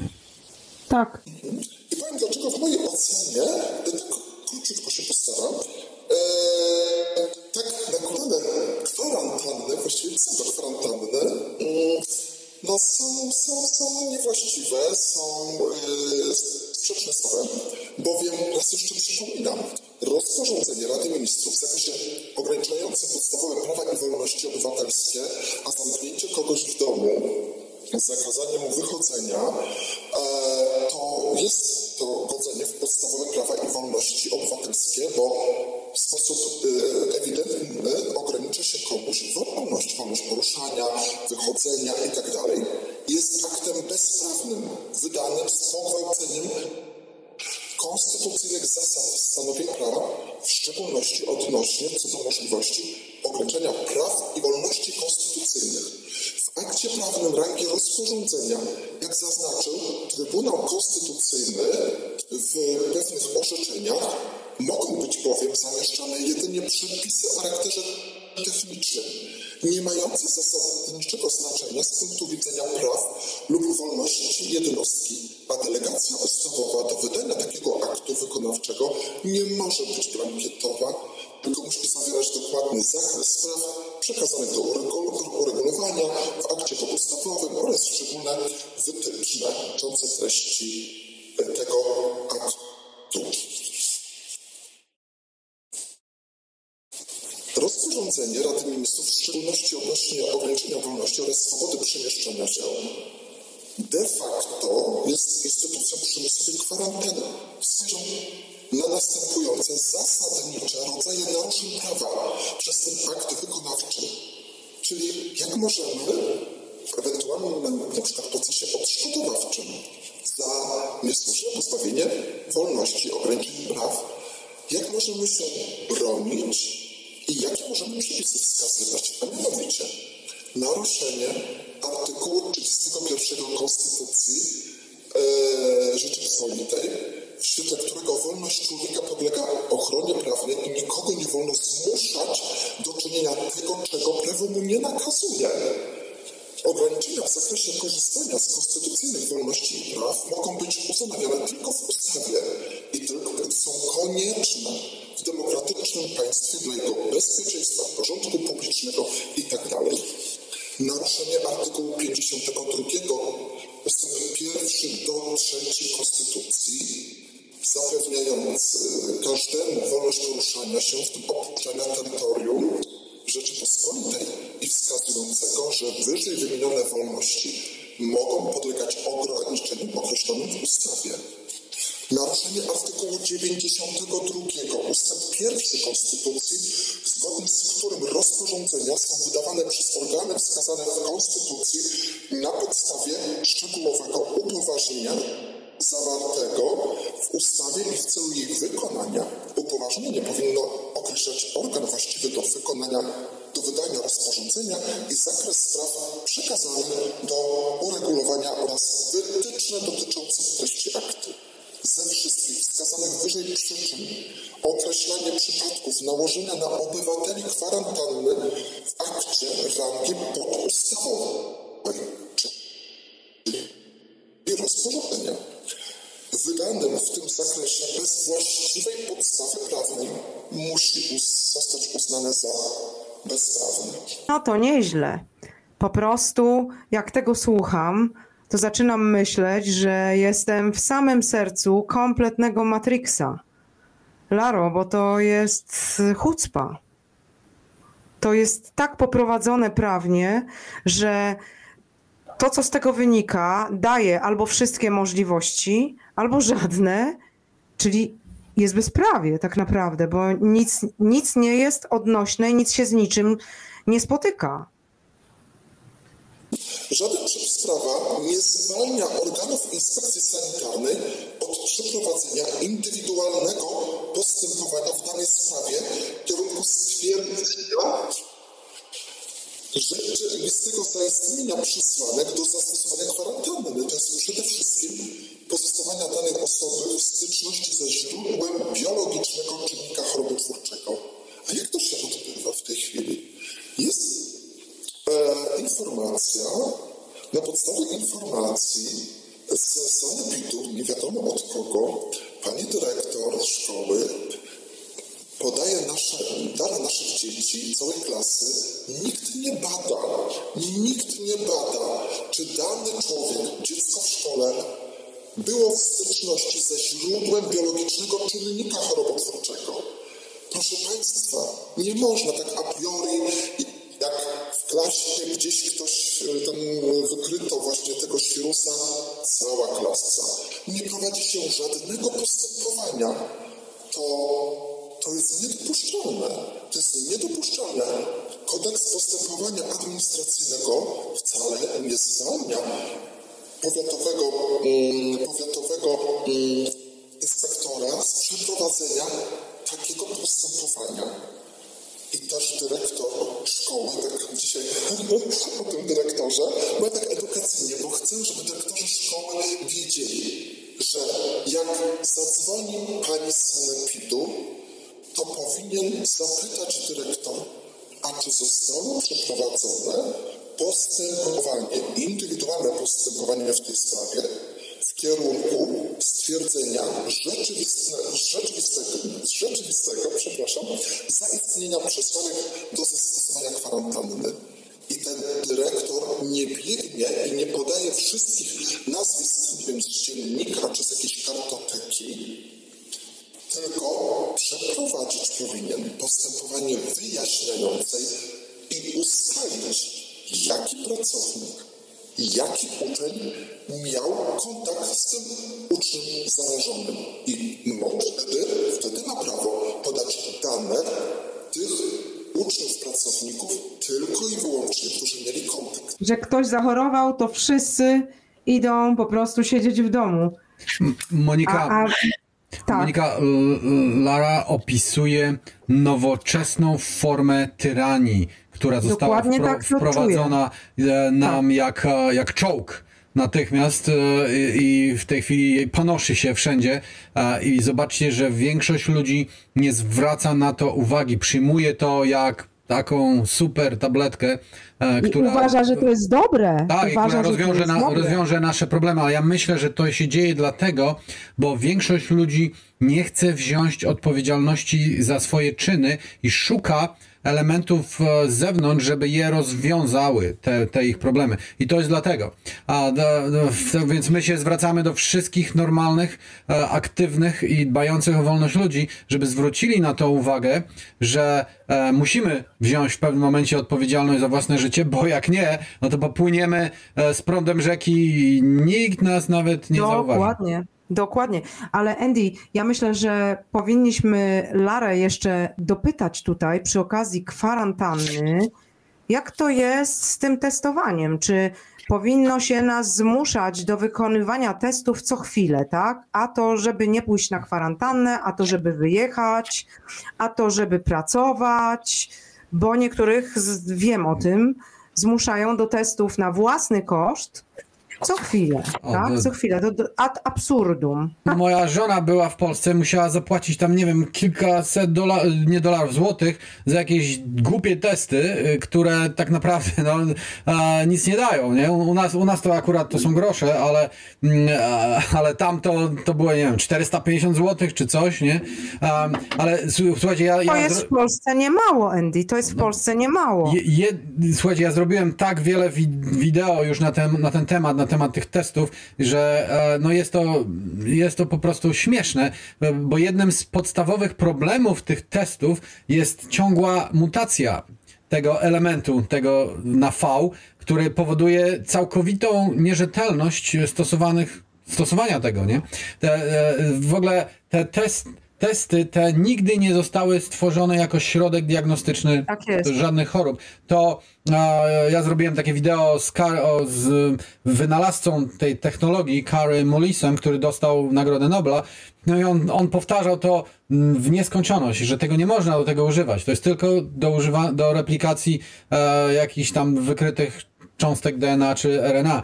A w tej chwili, na przykład, z, z danych tych statystycznych, to ten cały wirus na CV19, e, e, który powstał nam w 19 roku niby, a, a tak naprawdę odkryto go w 2020, już nie istnieje. On i te testy, które zostały stworzone e, w, w tym Dresden Pro Protocol, czyli tego niemieckiego e, wirusologa, e, one już są nieadekwatne, e, gdyż ten cały świrus zmutował się co najmniej 150 tysięcy razy albo i jeszcze więcej. Więc e, em, czy mamy, Lara, odnie, jakieś odnieś, odnieś, no, może nie odnośniki, ale takie e, coś takiego w prawie polskim, które umożliwia nam pozbycie się tego niewiarygodnego, bezsensownego Obowiązku. nakazu, czy tam obowiązku. Znaczy, chciałabym, jeszcze, chciałabym jeszcze dodać, że wydaje się w trakcie, y, w świetle tego, o czym powiedziałaś, że y, nie ma możliwości, żeby narzucać testowanie osobom zdrowym.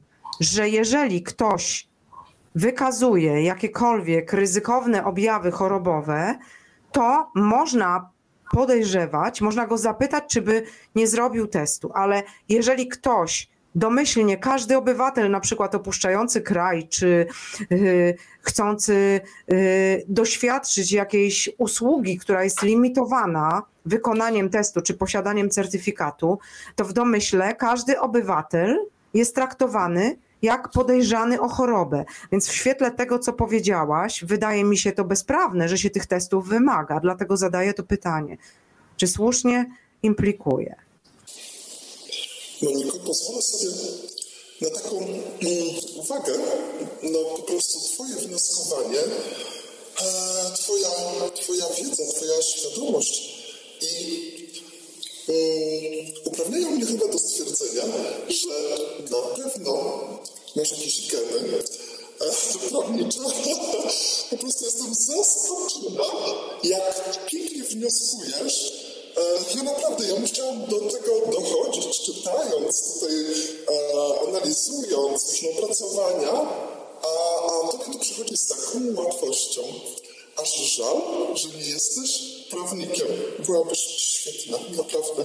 Ale ja ci nie zazdroszczę, że musisz osądzać, bo ja uważam, że osąd jest bardzo ciężką drogą i stanięcie, dlatego ciebie bardzo szanuję, że stanięcie jako sędzia w roli bytu szanującego człowieka, który przed tobą stoi, który może zgrzeszył wobec systemu, może wobec kogoś innego, to jest bardzo odpowiedzialne zadanie.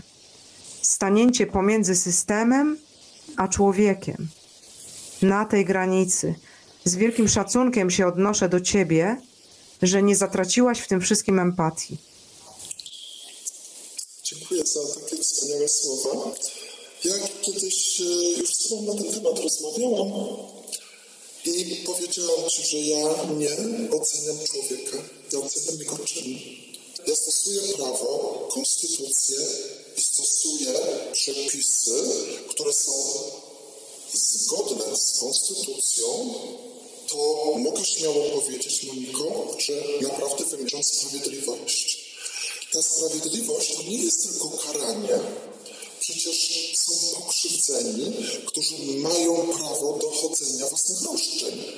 Więc gdzie, jak nie przed sądem, taka osoba pokrzywdzona ma przyjść ze swoją skargą i prosić o to, jeśli sprawca nie chce naprawić szkody, nie chce zadośćuczynić, to kto ma mu nakazać, jak nie sąd?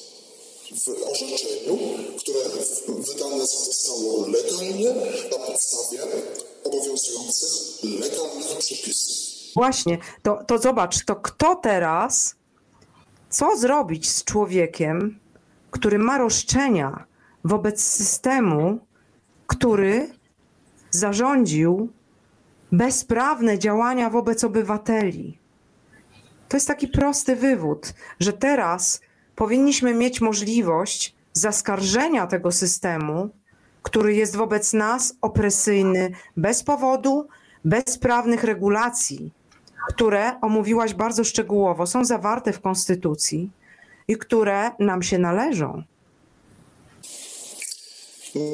Moniko, zanim odpowiem na poprzednie pytanie, to powiem Ci, że jest ta grupa wspaniałych prawników, o których chcę powiedzieć naprawdę na samym końcu. To ma być ta wisienka na tym torcie, którzy szykują, szykują nam ten temat, zgłębiają. I myślę, że będzie odpowiedź. I powiem, gdzie trzeba zaglądać i szukać tej odpowiedzi. Będę prosić o wspieranie tych prawników. No, ale to, to ta wisienka na torcie. Tak, ale ja mam tutaj dużo o tym testowaniu, ale żeby nie przedłużać, ja powiem wprost. Obowiązujący stan prawny nie przewiduje obowiązku poddawania się badaniom sanitarno-epidemiologicznym, bo takim jest testowanie, przez wszystkich. Ani też nie pozwala na przyjęcie a priori, że każdy jest potencjalnym nosicielem bądź podejrzanym o nakażenie, gdyż przynależność do tych kategorii uzależniona jest od spełnienia przesłanek ustawowych. Czy moja odpowiedź jest wyczerpująca? Tak, tak. Nie każdy jest podejrzany. nie można założyć a priori, że każdy jest terrorystą niosącym wirusa celebrytę. A wie, wiecie co? Tutaj dostrzegam jeszcze przez te moje już zaparowane okulary, że każdy co do zasady ma możliwość wyrażenia lub odmowy wyrażenia zgody na to badanie i że to wynika z artykułu 17 ustawy o prawach pacjenta.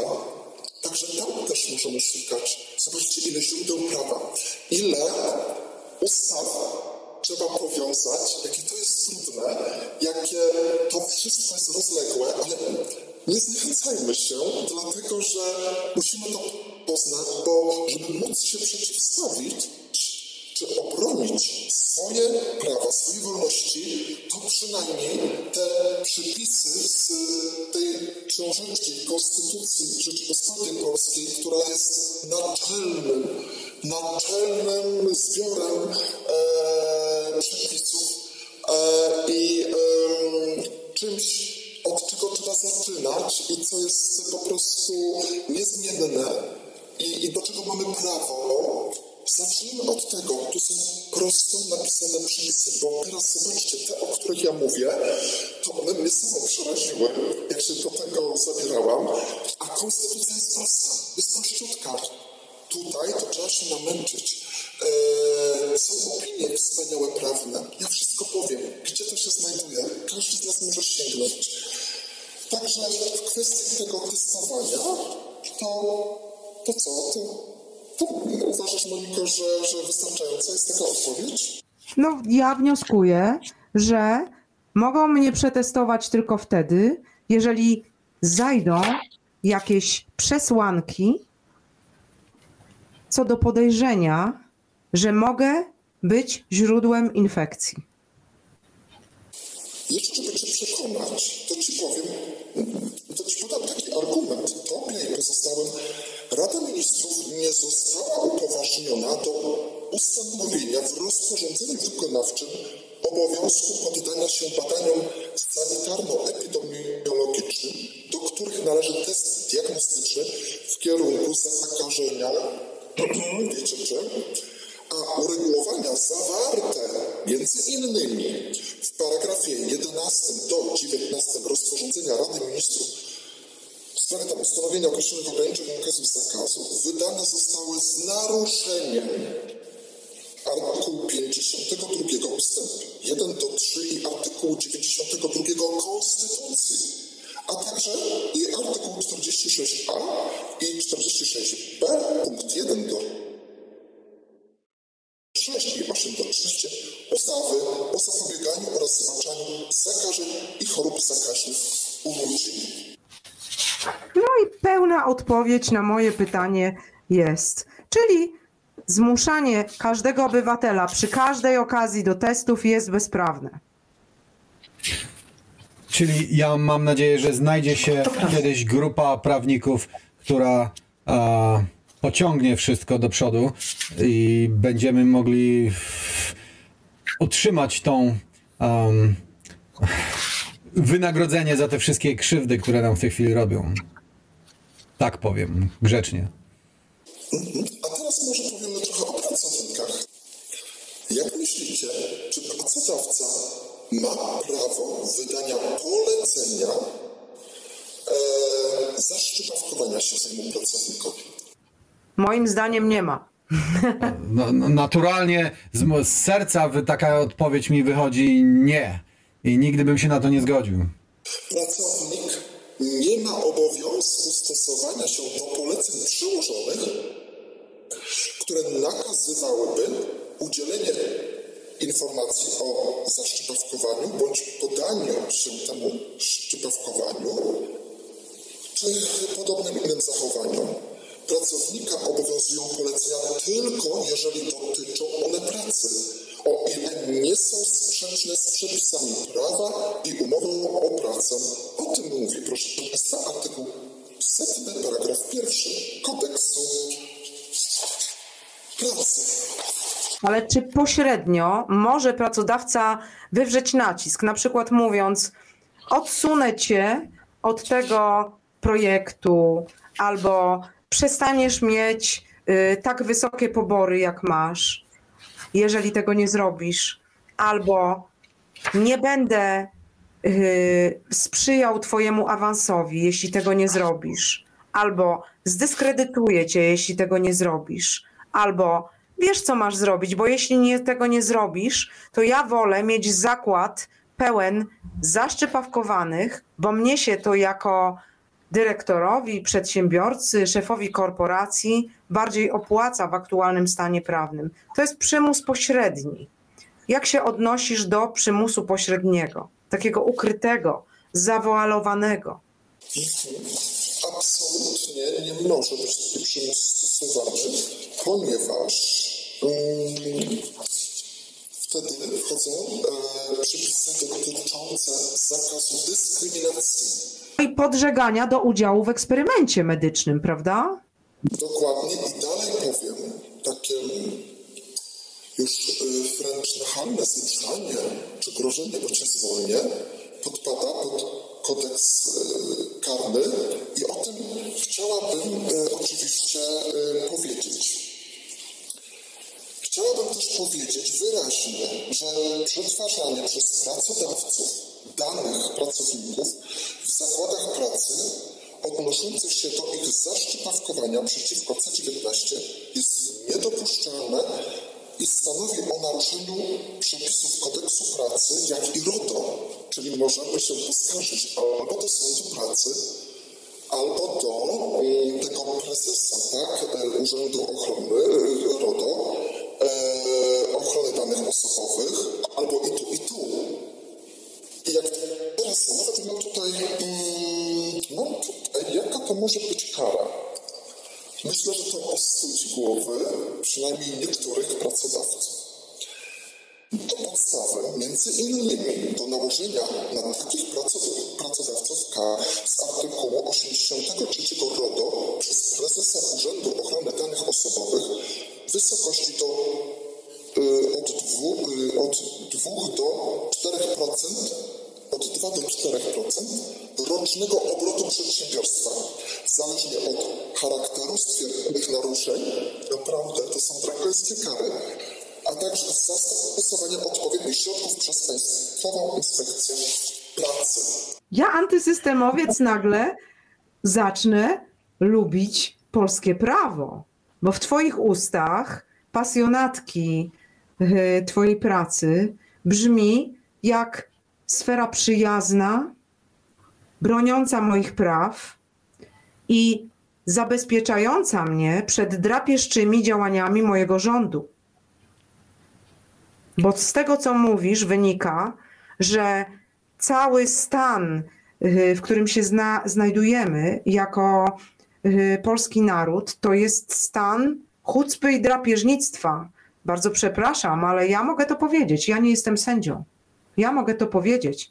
Ja mogę wydać sobie taki wyrok, że skoro nic się nie zgadza, nic nie jest zgodne z prawem, a wszystko to nam robią, to to jest chucpa, proszę Państwa tak nam się miło rozmawia, bo rozmawiamy z normalnym człowiekiem, czującą istotą, nie robotem jakimś politycznym na usługach e, partii, która tak. wydaje e, wyroki, bo jakaś frakcja polityczna akurat jej pasuje albo nie.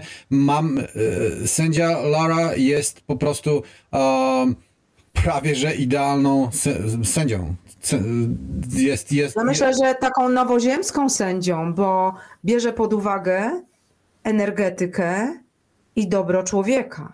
Mam nadzieję, że w Nowej Ziemi, jeżeli w ogóle będą sądy, to będą tacy sędziowie. Zdjęcie Temidy za, zakrętymi oczyma jest e, bardzo adekwatne. To nie jest po to, żeby nie widzieć niczego. To jest po to, żeby sądzić bezstronnie. Niezależnie od tego, czy biedny, bogaty, brzydki, ładny, kobieta, mężczyzna, sędzia nie może tutaj e, kierować się innymi przesłankami niż prawo. A jeszcze do tych pracodawców chcę powiedzieć, że moją intencją nie jest straszenie, e, moją intencją jest uświadamianie i jest e, po prostu no, edukacja.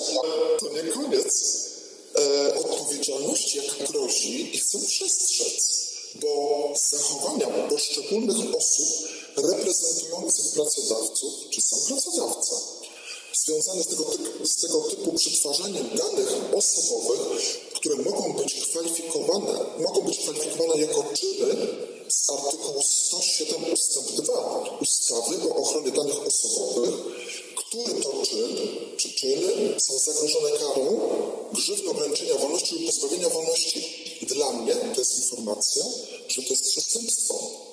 Taki pracodawca, czego oczywiście nie życzę, skazany za przestępstwo, za przestępstwo umyślne, może mieć później mm, spore ograniczenia w prowadzeniu działalności gospodarczej, chociażby zdawaniu do przetargów. Naprawdę to nie są żarty. Zobaczcie, jak my, obywatele, jesteśmy chronieni. Jak my jesteśmy chronieni prawem. No ta laudacja mówi nad tym prawem, ja was przepraszam, ale wszędzie się mówi bezprawie, bezprawie. Tak, ono jest, ale nie mówi się o tym, że też jest prawo i że należy do niego sięgać, że jest prawo, które może nas chronić przed tym bezprawiem. bezprawiem. I jeszcze, jeśli w tej kwestii, to chciałabym powiedzieć taką rzecz, że wywieranie przez pracodawców nacisku formalnego bądź faktycznego, to co nawet pytałaś Moniko, w celu osiągnięcia efektów w postaci zaszczytowkowania się przez pracowników przeciwko C19 jest zakazane. Działania takie, zależne od okoliczności konkretnego przypadku, mogą wyczerpywać znamiona przestępstw w rozumieniu kodeksu karnego, w tym przestępstwa zmuszania do określonego zachowania. Tutaj artykuł znany mi jak bardzo. 191, paragraf 1 kodeksu karnego, gdzie przewidziana jest sankcja kara pozbawienia wolności do lat trzech. Ładnie. No ładnie, czyli na przykład sytuacja, w której warunkuje się dalszą pracę kogokolwiek przyjęciem eliksiru, jest przestępstwem. No jest co najmniej bezprawne. Tak, tak, Laura, ale powiedz mi, jak zdobyć dowody na coś takiego? Czy w Polsce y, można nagrywać y, w budynku na przykład korporacji rozmowę między pracodawcą i pracownikiem i pracodawca go na przykład poinformuje, że w tym momencie y, uciekasz, bo nie masz szczypawek. E, czy jest to prawnie, czy takie dowody mm, sąd mógłby przyjąć? Czy można po cichu nagrać na przykład w kieszeni jakimś tam przyrządem do nagrywania? Mm, czy oficjalnie telefonem? E, bo mm, ja wiem, że dowody są najważniejsze w sądzie i w tym momencie, jeżeli takich dowodów nie mamy, mówimy, ok, pracodawca powiedział mi to, a pracodawca przychodzi, nie, nie, ja czegoś takiego nie zrobiłem. Jakie, jaka, co byś radziła ludziom zrobić? E, czy na przykład pracodawca musi na piśmie coś napisać, że akurat z powodu tego, że nie zgadzamy się na te i te procedury, zwalnia nas. Jak, jak to wygląda właśnie dowodowo? E, dowodzić przed e, sądem pracy na przykład, e, no możemy w każdy sposób, tak? Nawet i poprzez takie nagranie. Są też świadkowie no jest też dowód w postaci tego świadectwa pracy, bo jeżeli w końcu zwolni tego pracownika, no to musi wpisać przyczynę, tak, dla której zwolnił. Można dowodzić, można dochodzić skutecznie swoich praw. Ja mam tylko taką prośbę, bo oglądam w internecie i czasem jestem zatrwożona tym, jak e, niektórzy zachowują się w sądzie. Naprawdę, nie trzeba krzyczeć, nie trzeba, nie trzeba um, być osobą agresywną. Namawiam Ciebie, świadomy obywatelu, przyjdź uzbrojony w przepisy, w argumenty, nad którymi sąd będzie musiał się pochylić, ale a nie z złością, agresją, bo to naprawdę w niczym nie pomaga i to wręcz może utrudnić, yy, utrudnić Ci dojście yy, czy osiągnięcie tego celu, który chcesz zrealizować. Jeżeli przyjdziesz przygotowany, jeżeli jesteś w stanie przeczytać chociażby te przepisy Konstytucji i umieć je powiązać ze swoją sprawą, namawiam Cię, obywatelu, żebyś to robił. Jeśli zaś Twoja sprawa jest tak skomplikowana, że nie poradzisz sobie sam, bo takie sprawy są, to ja zachęcam i promuję, to jest moje ostatnie odkrycie, stowarzyszenie, to jest y, moje dopowiedzenie świadomych, ale oni tego nie mają w nazwie, prawników, to jest Stowarzyszenie Prawników Głos Wolności z siedzibą w Katowicach. Proszę Państwa, jaką oni wspaniałą pracę dla nas wszystkich zrobili. Tam są opinie prawne udostępnione za darmo dla wszystkich obywateli. Nie ma żadnej limitacji. Ktokolwiek tam wejdzie, może sobie to pobrać. Tam jest bardzo dużo różnych pism, e, takich w, mm, w obronie naszych praw jakie należy skierować, w jakich sytuacjach pięknie opracowane, a te opinie prawne, słuchajcie, to są perełki sztuki prawniczej. Zachęcam Was do tego, żebyście wchodzili stronę Stowarzyszenia Prawników Głos Wolności. Tam są adwokaci, radcowie, prezesuje temu stowarzyszeniu dzielna pani e, notariusz, jeżeli dobrze pamiętam, Słuchajcie, ja oglądam wszystkie ich konferencje. Są rewelacyjne. I nawet jeśli nie będą w stanie Wam pomóc, bo yy, no nie wiem, no będą mieli daleko do Was, albo no, oni są tak obłożeni pracą, to wiecie co? To powiedzą Wam, gdzie znaleźć świadomego prawnika, takiego jak oni, w pobliżu miejsca Waszego zamieszkania. Naprawdę. Idźcie na ich stronę, czytajcie, co piszą. E, wspierajcie ich, dziękujcie, wyrażajcie wdzięczność. Ta praca, którą oni tam wykonują, jest tytaniczna, jest niewyobrażalna i jest w służbie obywatela. Zachęcam, promuję, ponieważ jak to zobaczyłam, to serce moje było przepełnione naprawdę radością, bo wiem, że już nie jestem sama, że są tacy prawnicy, wprawdzie troszeczkę z innej strony barykady, którzy pojmują prawo, jego stosowanie podobnie do, do mnie, mają podobne spojrzenie. E, oni fantastyczne konferencje e, przeprowadzają, jaka tam jest wiedza powiem, przyznam, że wykorzystałam sobie do, tej, do tego dzisiejszego naszego spotkania ich e, wspaniałe opinie prawne, rzetelne, wzorcowe. To są perełki sztuki prawniczej. Metko, ja nie wiem, czy ktoś o nich nie słucha, czy nie, ale jeśli, jeśli ktoś z Was tam a, będzie miał taką możliwość, może ja sama do nich też napiszę, może kiedyś przystąpię, E, tak naprawdę, żeby im przekazać, że im bardzo w imieniu swoim i obywateli, którzy mam nadzieję skorzystają, bo to jest za darmo. Proszę Państwa, to jest za darmo, ale pamiętajcie o tym, że skoro otrzymujecie coś tak cennego, taką cenną wiedzę, to nie zatrzymujcie jej dla siebie, dzielcie się. Y, jestem taka zafascynowana tym, że wszystko, czego się dotkniemy, to tak fajnie rośnie, właśnie dlatego, że każdy podaje dalej, że się coraz bardziej wspieramy wzajemnie, prawda? A ty z kolei, e, występując dzisiaj e, w programie, który na pewno będzie miał ogromną oglądalność, zrobiłaś taką wspaniałą pracę, żeby zachęcić ludzi, żeby byli aktywni, prawda? Bo e, wydaje mi się, że celem takich stowarzyszeń jak Głos Wolności, Twoim celem, naszym celem Zendim, prawda, jest y, aktywacja y, ludzi u podstawy, tak, u tej y, praca u podstaw, bo jeżeli będziemy się po prostu jak te owce zgadzać na to wszystko, jeżeli nie będzie w nas protestu, jeżeli będziemy mówić, ja nic nie znaczę, czekam na jakieś pospolite ruszenie, żeby się przyłączyć, jeżeli nie będziesz rozpoczynającym to pospolite ruszenie u siebie, ten sprzeciw obywatelski, to nigdy nic się nie zmieni. Nie bójmy się, bo po to mamy dzisiaj Larę, żebyśmy się dowiedzieli, tak zaplanowałam sobie tę audycję, żebyśmy się dowiedzieli, że nie jesteśmy sami, że mamy za sobą konstytucję, że mamy też wspaniałych, świadomych prawników.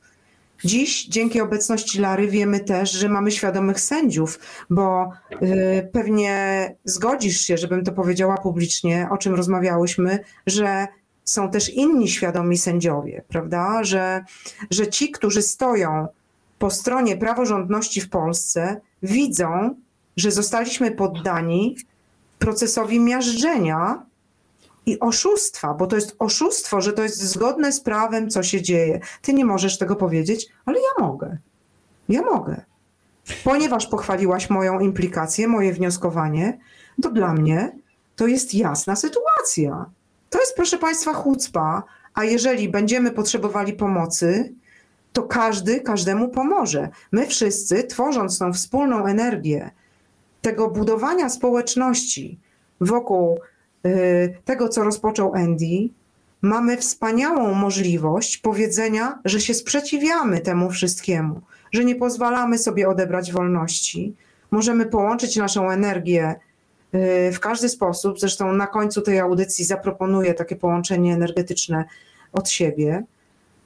Czy my mamy jeszcze coś do dopytania? Andy, jak ty myślisz?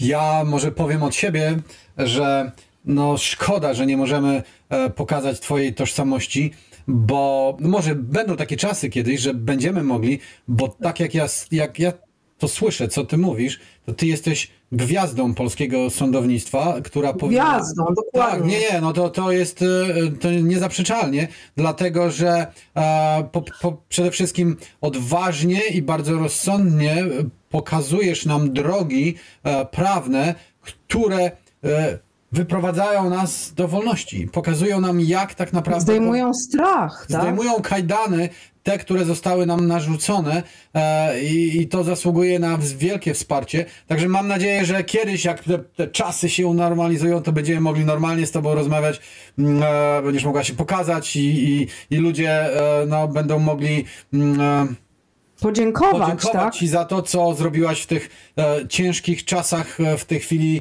no takiego terroryzmu, nazizmu jakiegoś, e, który, który wszedł Tylnymi bardzo szybko, drzwiami, tylnymi Tak, drzwiami tak. i w tej chwili nas przytłamsza. Ale, ale właśnie takie osoby jak ty, które są na olbrzym, na bardzo wysokich stanowiskach, a, będą decydowały o tym, czy to się zmieni, czy nie. Dlatego, że e, większość ludzi, ta szara masa tak naprawdę właśnie się poddała i, i zawsze nieliczni decydowali o tym, że, e, że, że cywilizacja poszła w jedną albo w drugą stronę, więc e, no, czekamy na inne osoby, które z takiego, takiego mogą dokonać takiego wielkiego mm, skoku, z kroku, żeby, żeby zmienić e, tą drogę ludzkości, e, w którą w tej chwili no, wdepnęliśmy. Nie?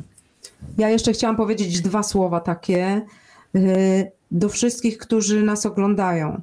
Kochani, połączmy taką energię wdzięczności wobec sędzi Lary, że się zgodziła przygotować ten program. To jest kolosalna, tytaniczna praca. Po prostu nie macie pojęcia. Ja rozmawiałam o tym programie długo z Larą i ja wiem, jaką pracę wykonała dla nas.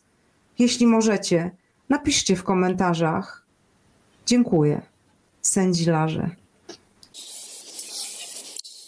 Moniko, Andy, pozwólcie, że podziękuję Wam e, za te ciepłe słowa, wspaniałe. Naprawdę, no, wdzięczność przepełnia moje serce, żeby tego głos nie łamał. E, ja jestem Wam wdzięczna za to, że mi zaufaliście, za to, że udzieliliście mi kawałek tej przestrzeni, którą wypracowaliście. Jesteście osobami bardzo szanowanymi, macie bardzo dużą oglądalność i ja, skromny sędzia u waszego boku, to dla mnie jest naprawdę coś wielkiego. Ja prawdopodobnie będę pa- pamiętała to do końca życia. Dziękuję, jestem wdzięczna Wam. Jeśli ktoś rzeczywiście będzie chciał tego posłuchać, obejrzeć, jestem wdzięczna każdemu widzowi, słuchaczowi za każdy komentarz, nawet negatywny. Eee, Nie, nie, nie, nie, w ogóle nawet nie twórzmy takiej energii. Twórzmy energię wdzięczności, dlatego że to jest wielka praca wykonana pro bono dla dobra właśnie wolności, tak? Tutaj jest taka, taki poryw wolności słyszalny w Twoich wypowiedziach i takie wsparcie dla obywatela, który tak naprawdę y, po Twojej wypowiedzi, twoje, po Twoich wywodach czuje, że właśnie obywatel jest celem prawa, jest podmiotem jego troski. To jest taka projekcja idealnego społeczeństwa. Ja bardzo bym chciała, żeby tak było. Słuchajcie, grozi nam 8 grudnia ustawa separatystyczna. Yy, Sejm się w tej sprawie zbiera. Dlatego będziemy chcieli nadać tę audycję 6 grudnia. Rozpowszechniajcie tę audycję gdzie można, żeby wszyscy usłyszeli, że dzieje się na naszych oczach bezprawie i że partie polityczne w naszym kraju zbliżają się do przepaści, tak? Wiozą nas do przepaści. I chciałam poprosić, żebyśmy się 7 grudnia o 20 wszyscy połączyli w medytacji wolności. Skupmy się w medytacji, postawmy sobie taki fokus, żeby nam nasza wolność była zawsze przydana, żebyśmy stali w tej wolności i żeby nasza wspólna energia pomocy wzajemnej, współdzielenia była wsparta z każdej strony, żeby w tak mocno, żeby nikt nigdy nawet nie pomyślał, że ma prawo nam ją odebrać. Rozpowszechniajcie głos Lary wszędzie. Bo nie ma szczęścia bez wolności. Wiesz, kto to powiedział? Profesor Kurat Karpowicz. Nie ma szczęścia bez wolności.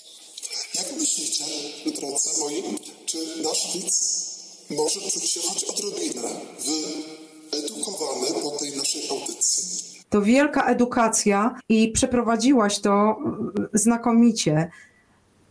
Słuchaj, wydaje mi się, że y, każdy stanął w swojej mocy po tym, co mówiłaś. Że my straciliśmy poczucie bycia jakimiś pionkami w grze, że wiemy, że możemy powiedzieć głośno: Mam konstytucję, ona mnie chroni. Ty, obywatelu, który nosiłeś na swojej koszulce napis Konstytucja, pamiętaj, nie możesz odebrać wolności. Lara pokazuje nam w tej chwili e, piękną polską książkę, e, która jest e, konstytucją i która jest, przypominam jeszcze raz, nadrzędnym prawem, e, k- którego nie można łamać. Ale e, dzisiaj dostaliśmy potężny zastrzyk narzędzi. Zastrzyk mówię to specjalnie, żeby połączyć to z, Iniekcje. z, tak, tak, e, który każdy może wykorzystać w swoim własnym życiu, aby być bardziej szczęśliwym i aby em, uwolnić się od tych wszystkich obostrzeń, e, które są nielegalne, nie, nie mają żadnych uzasadnień prawnych, co dowiedliśmy za pośrednictwem słów e, Lary. Pięknego wywodu. Ja myślę, że na koniec powinna powiedzieć do nas coś Lara, zanim zamkniemy tę audycję. Chciałam powiedzieć, że wolność to prawo czynienia wszystkiego, czego ustawy nie zabraniają. Kroczmy ścieżką odwagi, a nie konformizmu. Sprawmy, żeby nienormalność nie stała się zwyczajnością. Dziękujemy Ci, dziękujemy Ci, Laura, że, że dałaś nam tą lekcję. E, My z Moniką wiedzieliśmy to podświadomie, że, że to tak jest. Większość ludzi czuje to, że coś jest nie tak z tym całym systemem, a Ty no, nam to wyłożyłaś na stole. e, Wszystko ładnie, jedno po drugim. Także ludzie, słuchajcie tego i em, realizujcie to w swoim życiu rozpowszechniajcie i realizujcie e, to w swoim życiu, żeby wyjść z tej niewidzialnej klatki więzienia, którą nam narzucono. Tak. Nieście światło. Ach, dziękujemy Wam wszystkim za, za to, że nas oglądaliście. No i e, miejmy nadzieję, że e, sędzia Laura będzie z nami jeszcze nie raz. W następnych programach. Bardzo na to liczymy. Tak, że Witamy na pokładzie. trzymajcie się. Nie lękajcie się.